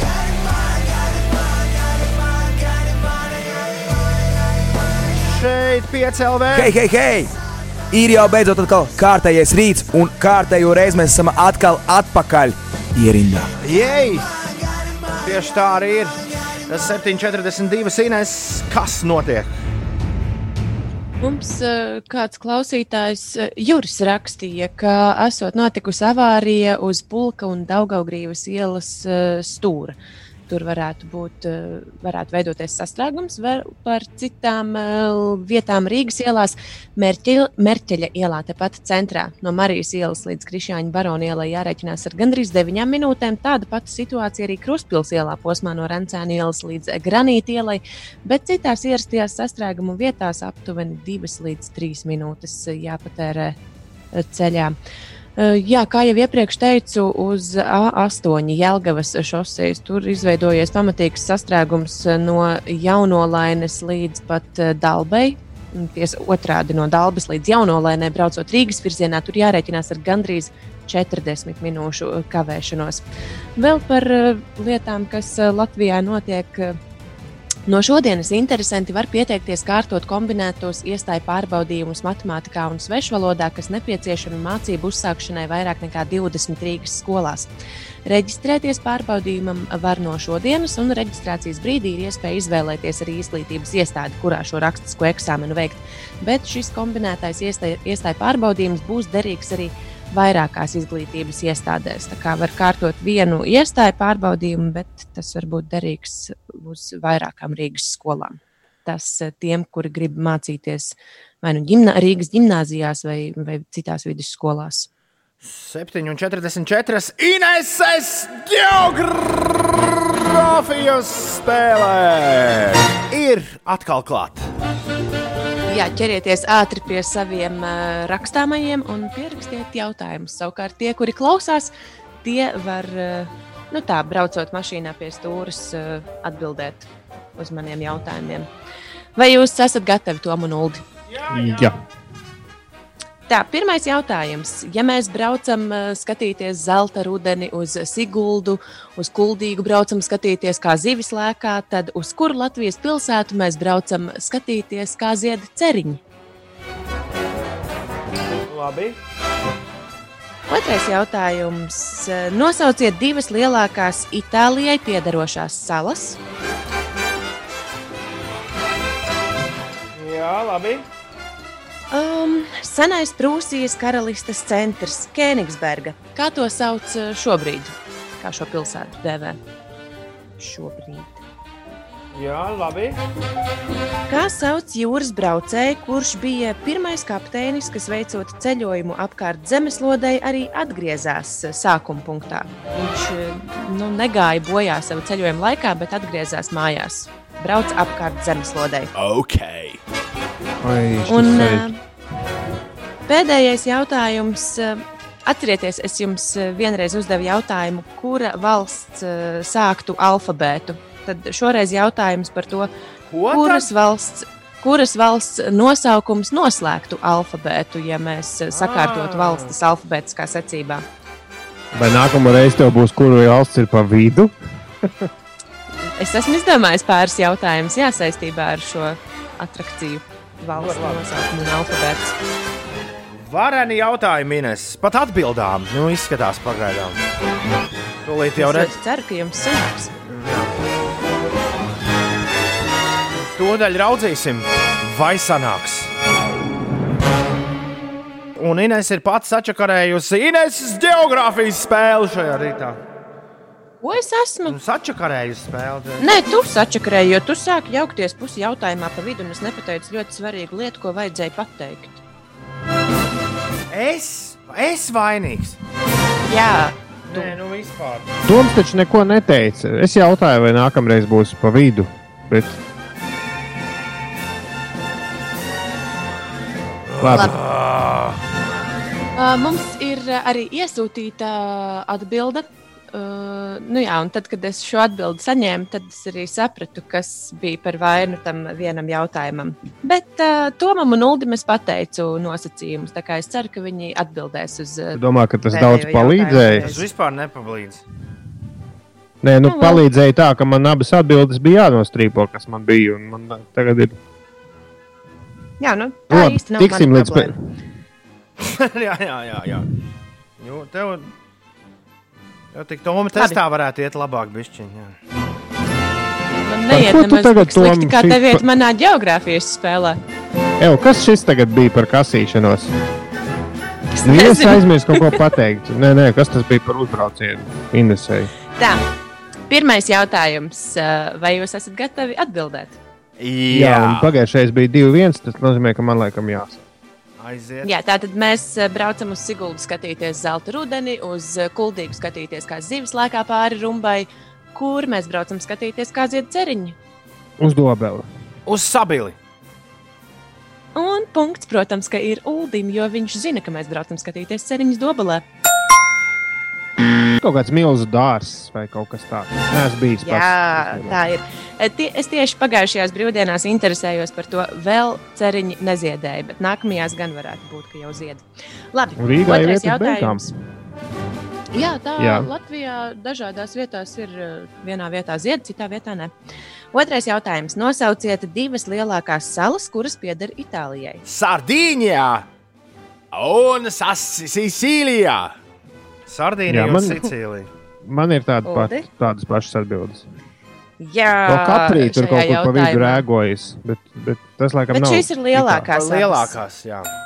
Kaprī Jā. ir itāļu Abiem sala, diviem pa punktam šajā jautājumā. Bet viņi nav lieli. Maziņi, mini, mini. Trešais jautājums. Senais Prūsijas karalistes centrs Kēnigsberga. Kā to sauc šobrīd? Šo es šorīt no rīta vēl pētīju kartē, domādams, ko nes tu pajautāsi mums par Kaļiņingradu. Kaļiņģerāda Kāpēc? ir pareizā atbilde. Tāpēc, ka mēs par Nīdu runājām daudz pagājušajā. Ai, Nedēļā. Jā, jā, jā. jā. Paskat, kā jūs atklājāt mani. Labi, nosauciet jūras braucēju, kurš bija pirmais kapteinis, kas veicot ceļojumu apkārt zemeslodei, arī atgriezās mājās. Kāds no viņiem bija vārds? Magelāns. Nu, lai iet Uldi? vienādi, jo man otrs variants bija Vespučī, bet palikšu pie Magalāna arī. Tas bija Amerigo. Jā, Bet kas bija Magelāns? Magelāns, diemžēl, ir tas, kurš ne?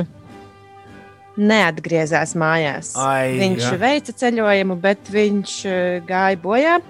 Un eh, uz šo jautājumu atbilde pareizā ir tā pati, uh, kura repera vārds ir piļķēviņš tulkojumā. Tas ir Dreiks. Dreiks. Francis Dreiks, jā? Nē.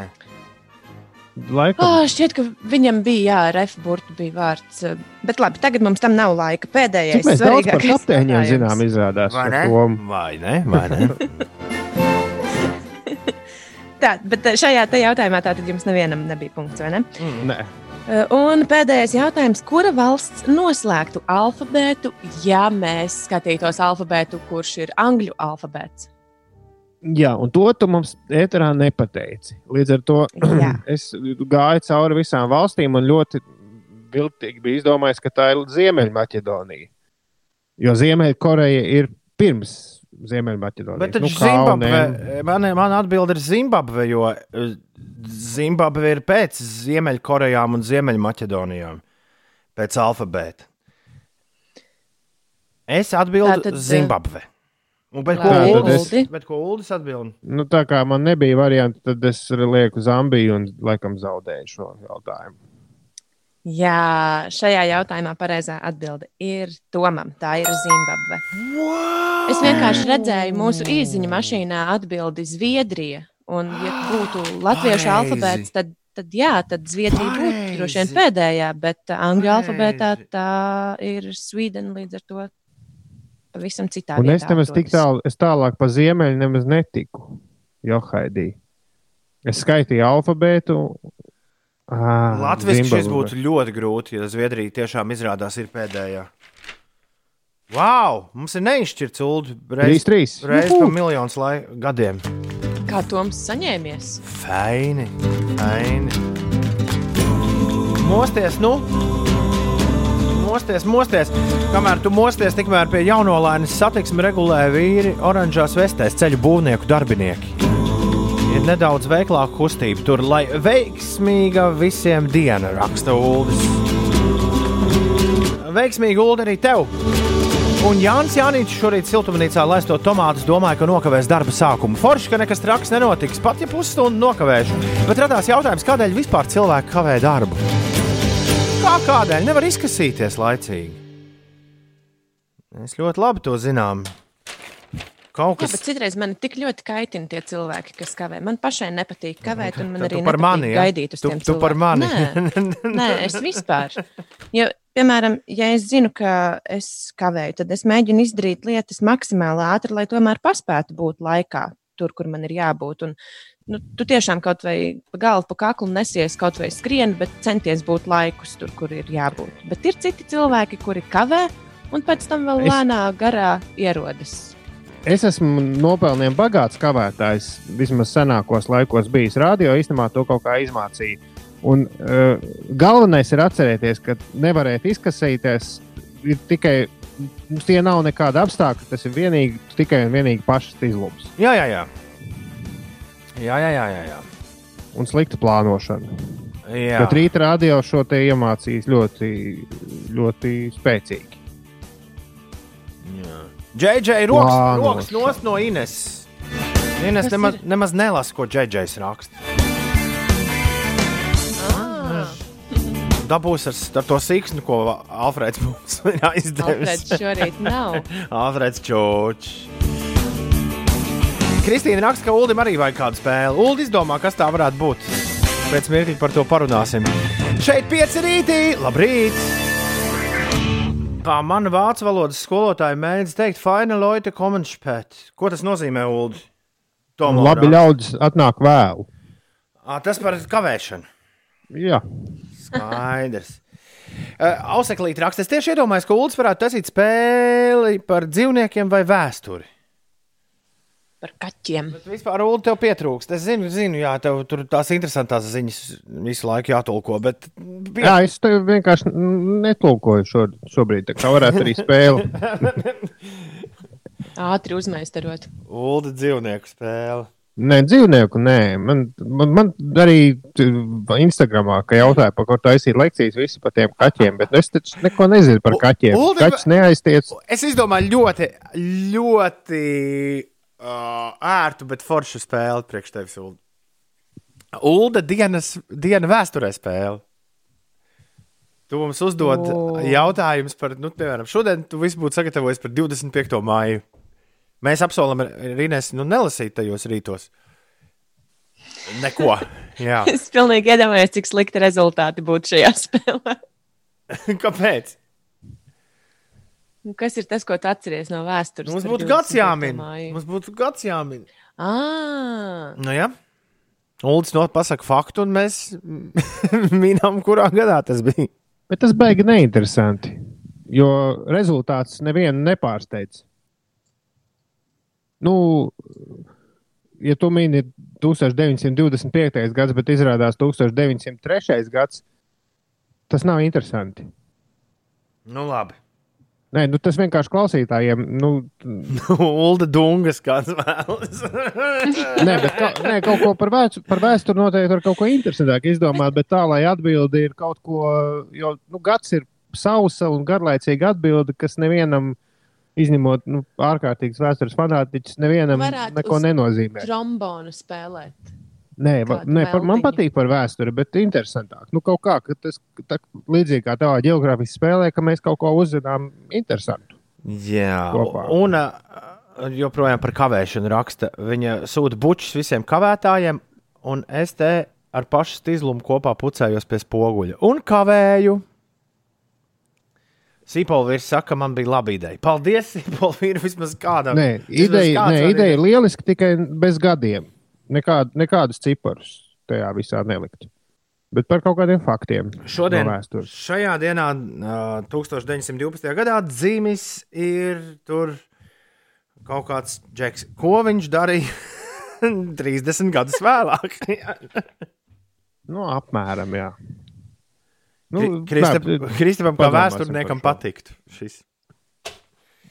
Padomāsim, dienu laiku. Tagad ir Netflixī interesants seriāls par vēsturi. Jāpaskatās. Nu, Pirmā sērija priekš, par Ameri fast food. priekš amerikāņiem. Es vakar divus paskatījos. Jā. Nu, tāds ļoti, nu, ja- tu neko nezini, tad droši vien uh, muti vaļā un vienkārši glīti samontējuši visu kaut ko. Bet uh, man liekas, ka tu baigi daudz jaunas lietas neuzzināsi. Nu, labi, tad, Ļoti tad labi, ko jāskatās. jauniem cilvēkiem rādīt. Ne nopietni, tu kaut kādā, mm, teiksim, pamatskolēniem varētu būt super. Super stēli. Bet jā, šī interesanti, ka šis, uh, tas, ko tu mini, Netflixī aizgājis, bija uz Urā un vakar bija trešajā vietā Latvijā. Tāpēc, ka nu, kā Netflix jau ļoti vienkārši. Viņu ieliek pirmajā lapā, tu atver Netflix, un tur uzreiz ir featured video. Kas ir man šķiet, vi- visiem plus mīnus tas pirmais ir vienāds. Inesē, Jā, kā tev veids pētījumā par vīriešiem un auto? o, ļoti interesanti veicās manā Vakar, pētījumā. vakar Ines ielika Instagramā ļoti smuku bildīti, kurā ir jā, rūtā. Nē, es pati izstāstīšu. Nu, nu, labi, nu, labi, jā, stāst. Vispār viss sākās jau sestdien. Tad, kad es uh, devos uz tērveti, pirmkārt, jā, tur ļoti daudz uh, cilvēku bija. Mm, par distances ievērošanu maz kas bija dzirdējis droši vien. Bet, uh, braucot atpakaļ no tērvetes, es biju izdomājis savu ģimeni aizvest nelielā uh, ekskursijā, izbraucienā ar savu mašīnīti. Braucot atpakaļ no tērvetes, uh, pēkšņi tai mašīnai kaut kas nopīkstēja un iedegās abas divas uh, signāla lampiņas. Un mana mamma blakus sēžot, man ārprāts, kas notika, kas notika, kāpēc viņa nopīkstēja. Es mammai teicu, mamma, nomierinies, viss ir kārtībā. Es zinu, kāpēc tā mašīna nopīkstēja. Protams, es sēdēju pie stūres un domāju, ak, Dievs, kāpēc mašīna nopīkstēja. Kas notika?" Bet ceru, ka mana mamma tagad neklausās. um, Tev, Ines, vēl man- man... ir daudz, daudz šādu priek, priek ir priekšā, jo vai tev jau ir bijis, ka nevar pagriezt atslēgu? Uh, jā, man ir divas reizes bijis tā, ka es nevaru izņemt mašīnai atslēgu, bet ne par to šobrīd. Nu, jā, Ā, nevar sakot, tev tad- šādas prieciņi vēl ir sagaidām. Tad es uh, izdomāju, ka droši vien tas pīkstiens bija par to, ka nu, man tuvojas degviela beigām. Jo es taču atbraucu no Rīgas uz mājām, un tad vēl uz tērvetu, un tad vēl atpakaļ no tērvetes uz, uh, uz mājām. Nu, droši vien tur tā vaina ir. Bet es, protams, uh, tēloju, ka es ļoti labi visu zinu, un arī māmas piedāvājumam ieliet degvielu, pateicu, nē, es uh, ielieku bet tev tur nav-. Ētera cilvēki. Degvielas tas tur rādītājs. Viņš bija ļoti pietuvojies nulītei, ne, nu, vairāk nekā tai vidējai atzīmē, ka vāka ir pusē. Jā, nu, es zināju, ka degviela iet uz beigām, bet uh, es atbraucu mājās un izdomāju, ka es taču braukšu uz Rīgu, un man pa ceļam ir ieceva, un iecevā es uzpildīšu degvielu. Un tā es uh, vakar uh, mazliet trīcošām rokām jau sagatavoju telefonu numuru, uzlādēju telefonu, jau zināju, kam es zvanīšu, ja man gadījumā beigsies degviela pa ceļam. Bet es līdz iecevai tiku, un uh, es uzpildīju degvielu, un lēnām ripinoties ārā no benzīna tanka. Tom, tu vari man halīti uzlikt arī? Jā, jā, jā. Allah, var mēģināt, laikam. Jā, nu, tikai man ir tādiem ba- jautājumiem, tikai ja man- jau te profesionāls visādi Tikai man bail, ka tu sevi atpakaļ Prasības. dzirdēt, bet nu pamēģināsim. Es braucot ārā no benzīna tanka, man galvā ieskanējās tēta balss. Tu nesi pārbaudījusi spiedienu riepās, kopš nopirki mašīnu. Un uh, tēvs mums ģimenē ir ieaudzinājis, ka ir, uh, ir jāpārbauda visi šķidrumi un, uh, un riepas spiediens, braucot ārā no mājas. Nu, tā kā es to nebiju izdarījusi un biju aizbraukusi līdz uh, benzīna tankam, tad es domāju, labi, pārbaudīšu to spiedienu šeit. Un tā es piebraucu pie tur, kur var benzīna tankos gaisu iepumpēt uh, mašīnai riepās, tur piebraucu klāt un sāku darboties ap uh, savu mašīnu. Pirms manis stāvēja kāda cita mašīna. Tur tas vīrietis uh, gāja man garām un prasīja, nu, vai es gribu iepumpēt, riepu, piepumpēt gaisu riepās. Es saku, jā, viņš pabrauca savu mašīnu uz priekšu. Tad es tur sāku darboties ap savu mašīnu. Viņš nāca atpakaļ un prasīja, vai viss ir kārtībā. Nu, es tur teicu, ka, nu, jā, jā, viss ir labi. Es tikai pārbaudu. Un tad viņš gāja vēl trešo reizi atpakaļ nu, man garām. Un tad viņš izdomāja pateikt, ka es labi izskatos. Un tas manī rosināja pārdomas vai vīriešu uzmanību pievērš tas, ka sievietes nu, kaut ko darās ap, ap mašīnām. Un es šo jautājumu uzdevu Instagram. Pirmkārt, man lika pajautāt Uldim, kad tu pēdējo reizi pārbaudīji mašīnai gaisu riepās. Kāpēc tāds jautājums? Tāpēc, ka nu, bija pāris cilvēki, kas teica, ka vispār autovadītāji ir diezgan uh, bezatbildīgi, nu, ne gluži bezatbildīgi, bet, bet kā aizmirstās to lietu izdarīt. Nē, nē, man ik pa laikam, nu, vismaz reizi pāris nedēļās uznāk tāds nemieris, un tad es vēl kaut kad nākamās nedēļas laikā iebraucu un, un pārbaudu. Nu, jā, tā tad. Uh, bija man apsveikuma vārdi par to, ka es uh, esmu atbildīgs braucējs tiesa, tāpēc, ka es abijos no tā, ka nu, tētis man to vienmēr ir atgādinājis. Tad uh, vīrieši automehāniķi. Nu, vīrieši, kuri paši kaut ko saprot no mašīnām, saka, ka jā, ka tas viņiem liekas ļoti jauki. Tas piesaista uzmanību, ka sievietes ķimerējas gar mašīnām. Uh, tad bija vēl uh, vairāki vīrieši, kas uh, rakstīja, nu, ka tas vispār piesaista uzmanību, ka tādas mm, pašpietiekamas un drosmīgas un kādas vēl tur nes sievietes ir spējīgas kaut ko tur savai mašīnai sadarīt. Tas, tas esot ļoti patīkami uz to paskatīties. Vēl bija cilvēki, kas rakstīja, ka Nu, nē, bet tomēr gribas uh, palīdzēt sievietēm. Ja redz, ka viņas tur ņemās gar tām mašīnas riepām vai attaisījušas motoru pārsegu un kaut ko dara, tad uh, ir jauki pieiet klāt un, un piedāvāt palīdzību. Savukārt no sievietēm atbildes bija tādas, ka pilnīgi noteikti vīriešu uzmanību tas piesaista un vajag obligāti vēl vismaz iespērt par riepu, lai nu, tu zinātu, ko tu dari. Un, un noteikti ir jātaisa motora pārsags un uh, jāpaskatās eļļas līmenis. Tas, tas noteikti piesaistīs uzmanību. Jā. Tad turpmāk, turpmāk precinieks meklēs benzīna tankā. Nu, nē. Pagaid, bet tas sanāk, ka, teiksim, nu, vīrietim ir tāds sens stāsts, ka nekas nav pievilcīgāks dāmām kā vientuļš vīrietis ar bērnu ratiņiem. Nu, tāds atbildīgs tētis. Tas nav īsti pārbaudīts, man liekas. Bet, uh... nu, jā, nu, man nav vienkārši bijusi iespēja aizņemties bērnu ratiņus. bet, Ulu, tu varētu veikt šādu sociālo pētījumu. Man kaut jā. kāda stāv vecs, es tev varu iedot. jā, vēl, vēl, vēl, vēl vispār, jā, su, suņu vešana pastaigās arī laikam ļoti palīdz iepazīties. Bet tad šis ir veids, kā dāmām to darīt. Ja? Spērt par riepu un pārbaudīt eļļu. Nu, tā sievietes domā. Bet tēvs krauklis. Vīrieši. Tās krauklis. Vīrieši savukārt saka, ka ir, jā, tas piesaista uzmanību, paskatīties, ko tad viņa tur darīs, vai viņa zinās, kur tas logs šķidrums jāielai. Nu, un otrs variants ir, nu, ka cilvēkiem, vīriešiem vienkārši gribas uh, palīdzēt. Ir forši palīdzēt citiem. Tēvs Kraukšķis gan nesagaidīja stāstu atrisinājumu, kas tās par lampiņām, kas iedegās panelī. Es arī neesmu sagaidījusi šī stāsta atrisinājumu. Es uzrakstīju savam automehāniķim, viņš teica, nu, ja jau līdz Rīgai atbrauc, tad jau viss kārtībā. Bet tur nekas nebija uzzīmēts, kas, nu. Nē, man nekas nu, nepalika lampiem. degot panelī. Bija vienkārši pīkstiens, noraustījās abu virzienu rādītāju lampiņas un viss. Brīnišķīgi. Ir 19 minūtes pār astoņiem. Labrīt!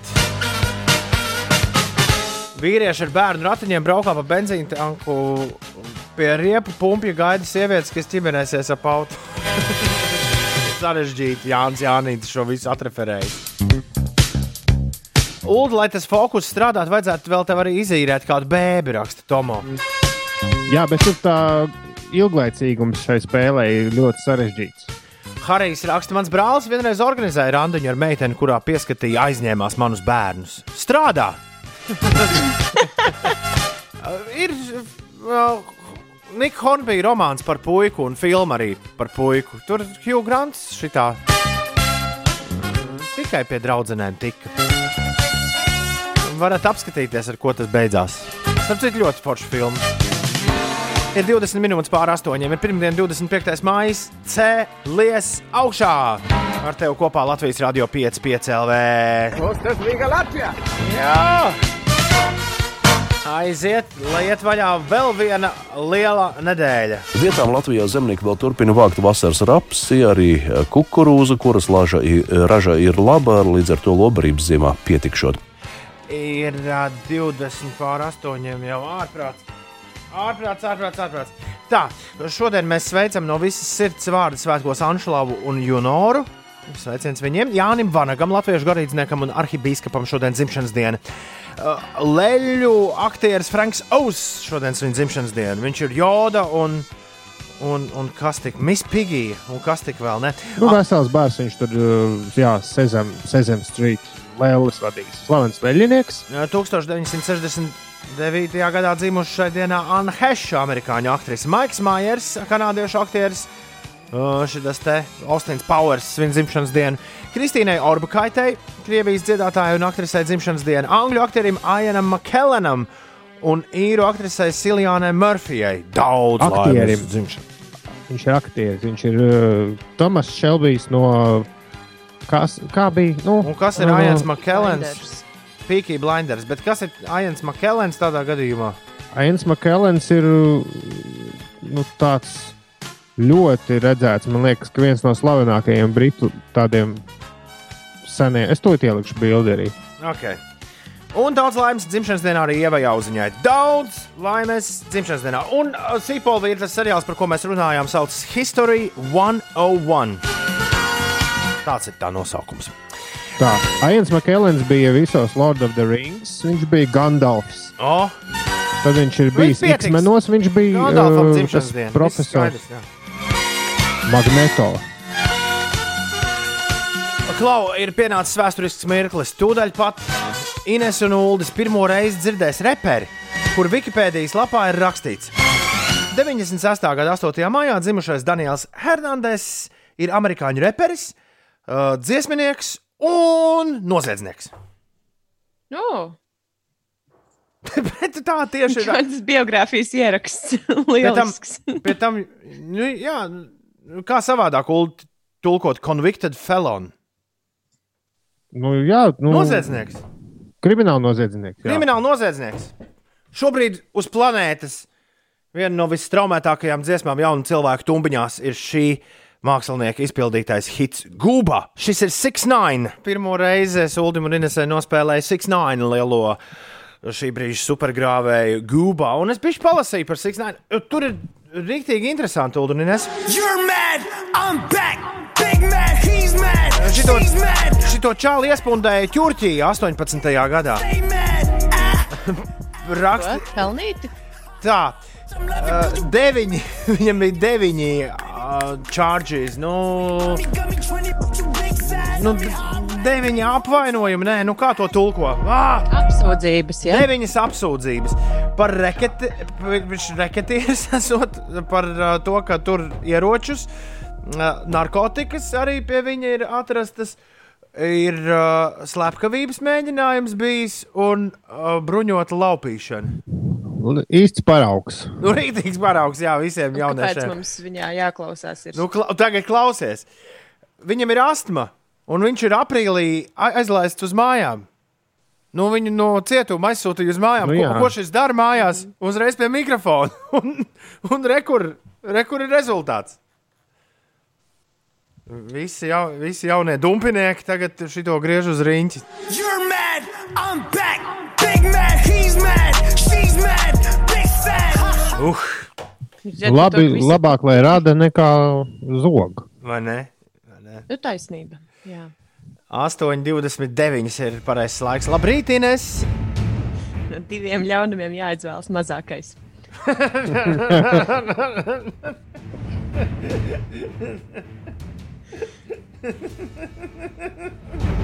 Ines, kas notiek? Vai man atvolfu uzreiz laist? laist Nē, nē, nē, es izstāstīšu, izstāstīšu. Tad tomēr svarīgi zināt, tiem, kas brauc no Jālgavas uz Rīgu, jūs Rīgā ieradīsieties uh, stundu vēlāk nekā esat plānojuši, jo sastrēgums no Dabas līdz jaunolēnei šobrīd prasa aptuveni stundu. Tā kā Auč. ņemiet to vērā. Jā, par sastrēgumiem Rīgas ielās Baltika Maps ziņo, ka Kārļa Ulmaņa gatavē kavēsieties 9 minūtes uz A7 posmā Kroksilas balošu pagrieziens jārēķinās ar 7 minūšu kavēšanos. Centrā stabu ielā jākavējas aptuveni 4 minūtes, un tāda pati situācija arī Gustava Zemgala gatavē. Čau, ierastajās- Etera cilvēki! Wolf. Citās ierastajās sastrēguma vietās eh, nekas traks. Šogad Jālgavas 755 gadu jubileja tiks svinēta attālināti, un galvenās aktivitātes paredzētas tieši šajā nedēļā. Ierasti pilsētas svētku kulminācija ir māja noslēguma, un arī šogad ir iecerētas eh, aktivitātes. Tiesa, kā jau teicu, attālināti. Viens no pasākumiem ir gājiens, bet tas klātienē nenotiks. Iedzīvotāji svētku kopības sajūtu varēs eh, baudīt, skatoties video sižetu par iepriekšējo gadu svētku gājieniem. Tā ir jā, jā, jāskatās pagājušā gada. Bet pilsētās, kurās ir uh, upe pa vidu, ir ļoti viegli rīkot pilsētas svētkus attālināti. Vienkārši aiztaisīt tiltu vienā pusē estrādi, Nu, jā. un viss ir attālināti. Nē, es nē. iedomājos, kā attālinātais metāla koncerts varētu izskatīties. Tāpēc, nu, Jēlgava, nu, tomēr 89 un tā.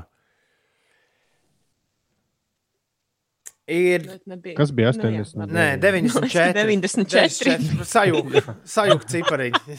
69, 89, 94. Šausmīgi sāpīgi būtu, jo, jo tad, kad nu, tajā ietējā nu, pūlī, kad tur lēkā viens otram virsū, kā to sauc, mošpits. Jā, jā mošpi, mošo.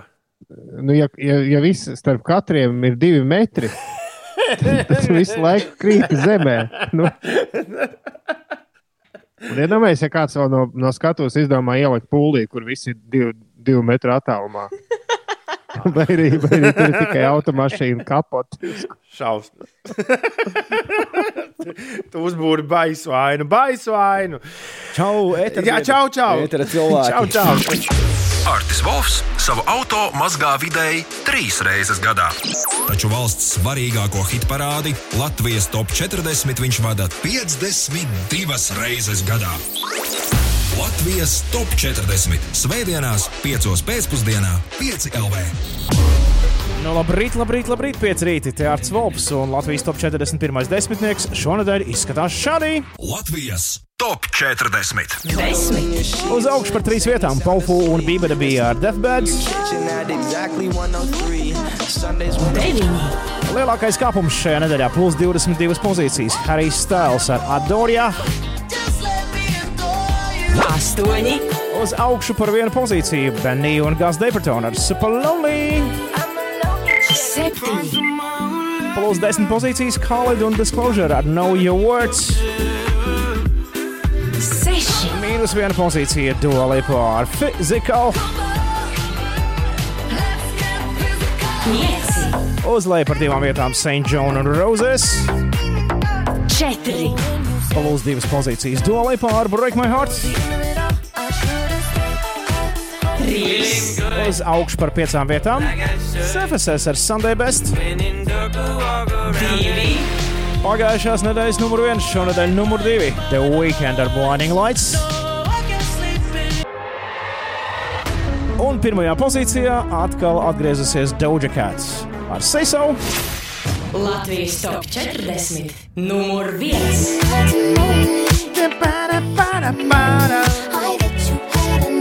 Doja Cat un Say So ir numur viens.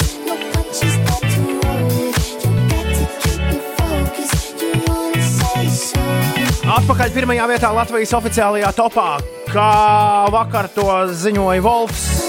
Kā katru svētdienu starp 5 un 8 piecēlē ēterā Latvijas top 40 ietvaros. Doja Cat, say so! Karaliene ir atgriezusies tronī. Pirmdien, 25. māja, 8,37. šeit Latvijas Rādio 5, 5 LV. Labrīt, visapkārt! Metam gaisā vai grūžam aizā!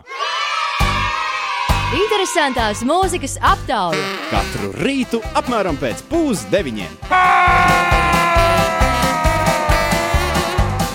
Metam gaisā vai grūžam aizā? Tā, top 3.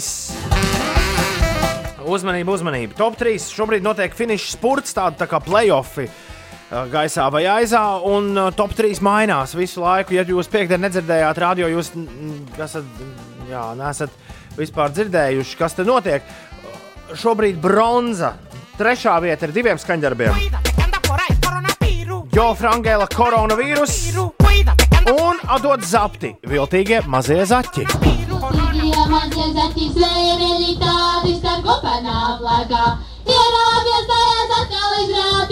Otrajā pozīcijā viesturs. no pazemes, pazemes, pazemes. Nāku es no pazemes, no dziļas pazemes. Un absolūts līderis. Smadzenes, smadzenes. Ar divām uzvarām, vairāk kā viesturam, septiņām uzvarām ir šis. Gabals, kas uh, arī šodien mēģinās uzvarēt. Viestē un Cirnānā! Aiziet! Smaravata matnā, tele, laģi, viestulā, balu, melu, cirnanā la bim mai cum lănda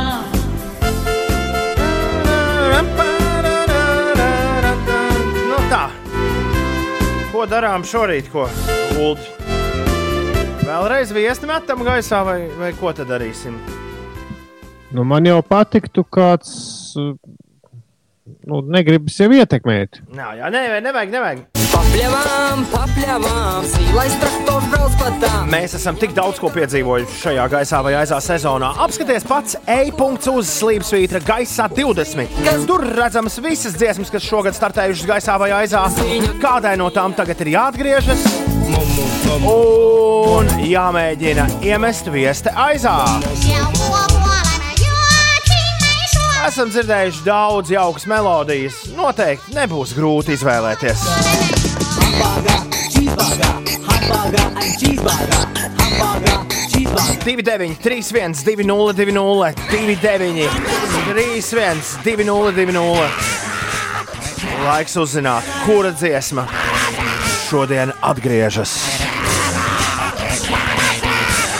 Labrīt, radio! Halo! Halo, halo! Halo, halo! Halo, halo, halo! Halo! Nu, šodien, lai slēdzās pretī. Kā tev sauc? Kā tev sauc? Kā tev sauc? Čiekurs Eglis dēls. Čau, Eglis dēls. Nu, Šodien, lai tad stājās pretī tas turējies ņēmējs. wow! Mm, man tik jāatrod. Tas turējais, ņēmējs. Tas turējies ņēmējs. O, šis ir labs. Šis ir labs. Liekam augšā. Paldies tev par zvanu, Čieku Eglis dēlu. Atā. Nekrīt no Eglis nost. Ah, nost, jā. Galva.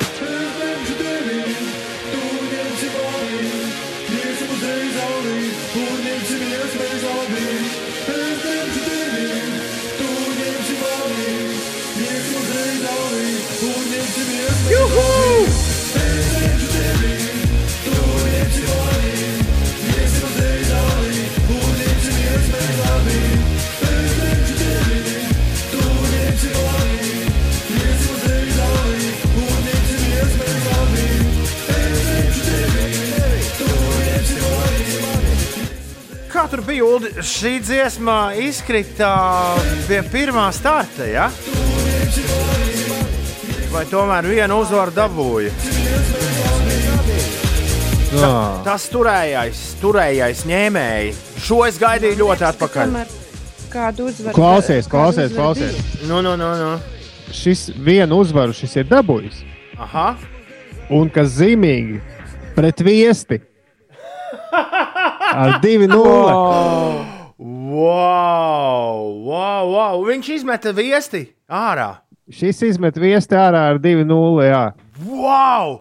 Šobrīd viestē ir septiņas uzvaras, šim ir viena. Jā. Kas viņu nākamajā dienā izmet ārā? Tā, uh, mēs kučai ķeča lieļā. Vai lieļā. Tur mums mainījās pēc tam katru dienu nāca kaut kas Ar, jauns. arī šis, starp citu, var mainīties. Ar, var atkārtoties, tā es gribēju teikt. Labi, uh, nu, tagad laiks noskaidrot, kas uzvarēs šodien. Gaisā vai aizā? Interesantās mūzikas aptaujas. Nu, ko 2, 9, 3, 1, 2, 0, 2, 0 spēlējam līdz divām uzvarām. Viesta Zudānā pret uh, es ņemšu tevi, tu ņemsi mani. Labrīt, kas mums zvana? Sveiki, Zemekis! Čau, tu esi Zemekis. Zemekis, Jā. es pareizi saklausīju. Zemekis, čau. Nu, ko metam gaisā? Metam gaisā deizāli. Aiziet! ņemšu tevi, tu ņemsi mani, iesim uz deizāli, ņemšu tevi, Pagaidām ULD vēsture atkārtojas, ir 1-0. iesim uz deizāli, un ņemsim viens Radio! Halo! Labs rīts! Kas mums zvana?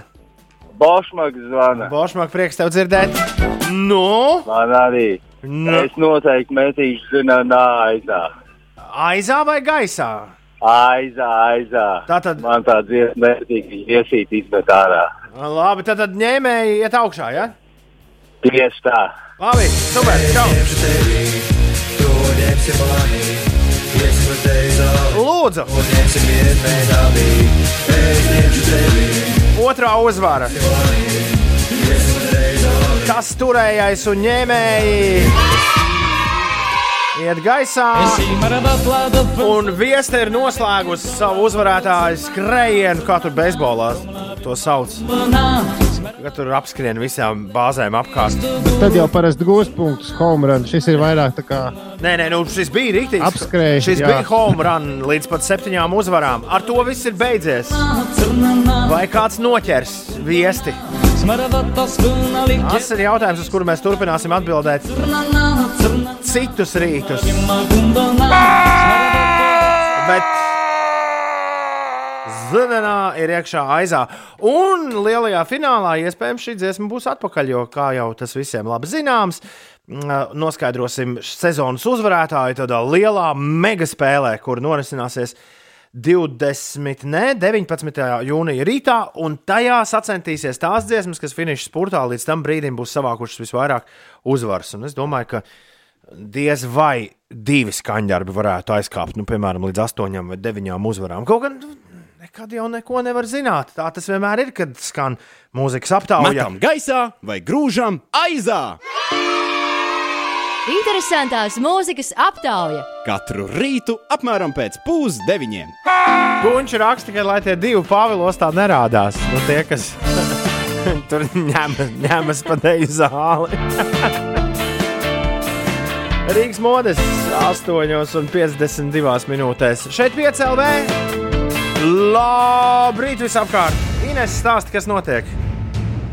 No šodienas līdz 27. maijam eh, naktīs eh, Sijā Rīgas ūdens čaka ielā un atsevišķos pieguļošo ielu posmos veiks maģistrālā ūdensvada skalošanas darbus. Droši vien pa nakti vajadzētu vispirms notecināt ūdeni un tad padzerties, ja ir tāda vajadzība.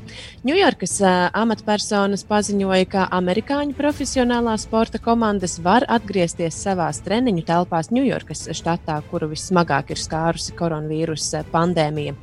Par pašmājām Latvijas Nacionālā līdzsabiedrība ir Baltika ar satiksmes ministrijas speciālo atļauju atsāks tiešos lidojumus no Rīgas uz Amsterdamu, Helsinkiem un Minheni jau no aizvadītās nedēļas pirmdienas. Katru dienu lidojumus eh, veids uz Frankfurti un Oslo mūsu nacionālā avio kompānija. Vēl nodrošināti ir lidojumi uz Tallinu un Viļņu. Un no 1. jūnija būs atļauti lidojumi uz Hamburgu un Berlīni, no 8. jūnija uz Vīni, bet no 9. jūnija varēs doties uz Dīseldorfu. Lidojumos visi pasažieri ir nodrošināti ar sejas masku un dezinfekcijas salvetēm. Par situāciju uz autoceļiem Rīgas ielā Kārļa Ulmaņa gatavē jārēķinās ar 11 minūšu kavēšanos, Granīta ielā teju 6 minūtes jāpierēķina klāt ceļam. Buļļu ielā jārēķinās ar 4 minūšu kavēšanos. Tāda pati situācija arī Valmieras ielā. Savukārt uz Jelgavas šoseis uz A8 no Dalbas līdz Jaunolainai aizvien aptuveni stundu jāpavada. 8,53.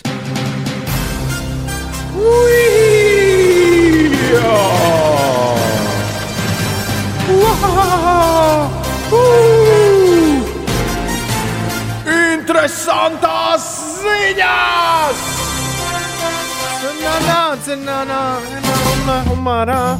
Pēdējo pāris mēnešu laikā daudzi ir labi apguvuši izolēšanās prasmi. Tāpēc kāds NASA darba piedāvājums, kas iepriekš būtu licies visai dīvains, nu pat izklausās pēc īzī. Dod tik šurp. NASA meklē kādu, kas varētu pavadīt laiku izolācijā, noslēgtā telpā. Nē, tev nebūs jāsēž ieslēgtam tumšā pagrabā. Lai pārbaudītu, kādu iespēju, iespaidu uz cilvēka psihi varētu atstāt ceļojums uz Marsu, vairāki eksperimentu dalībnieki pavadīs astoņus mēnešus kosmiskā lidojuma simulatorā Maskavas Russian Institute for Biomedical Problems. NASA mājaslapā publicētas prasības pretendentiem, un tās izklausās diezgan pieņemami. Tev ir jābūt 30 līdz 55 gadus vecam vai vecai. Tev ir jābūt uh, profesionālim ar vēstures tehnoloģiju, Ar zinātnes ar zinātnes, uh, tehnoloģiju, inženierzinātņu vai matemātikas pieredzi. Nu, tad mēs visi Nu, principā mēs, mums ir, mēs, mums kvali ir. mēs kvalificējamies. Jā.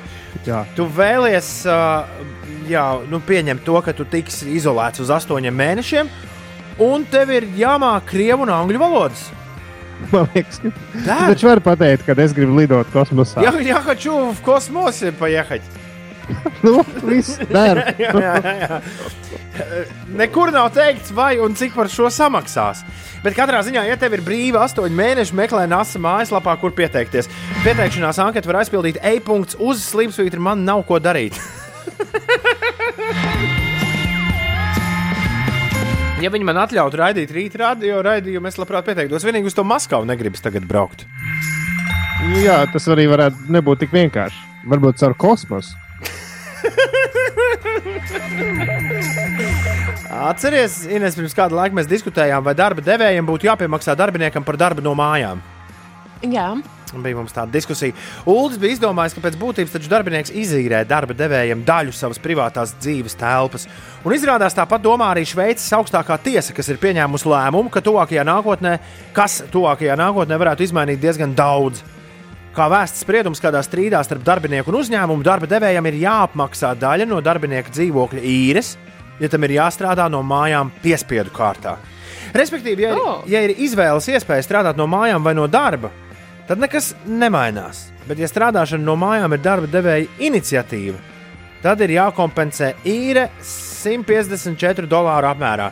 Šveicē par to Nu. var izdzert trīs saldējumu kokteļus. Nu, jā, respektīvi, tā kompensācija ir maza daļiņa. Es nezinu, cik 150 šveicis franki.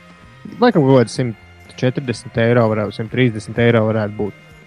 It kā simboliski, bet, uh, bet iespējams, man liekas, ka šis tomēr varētu kaut ko. Jo, kā, kā tu raksta komentāros, tad, ja tu, teiksim, lieto privāto mašīnu darba vajadzībām, tad taču arī kaut kādā veidā tur ne tikai degvielu apmaksā, bet arī automašīnas amortizācijas sēdz. apkopi. Nu, Kaut vai jā. Šis ir interesants. Kaspars raksta, ka NASA jāmeklē cietumos tur tie savi eksperimentētāji. À, tur jau tas no. Nu, jā.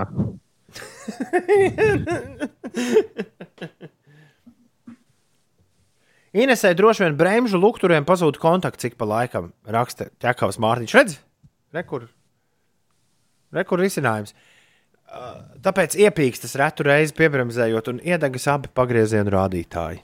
Bet tā man notika tikai vienu vienīgu reizīti.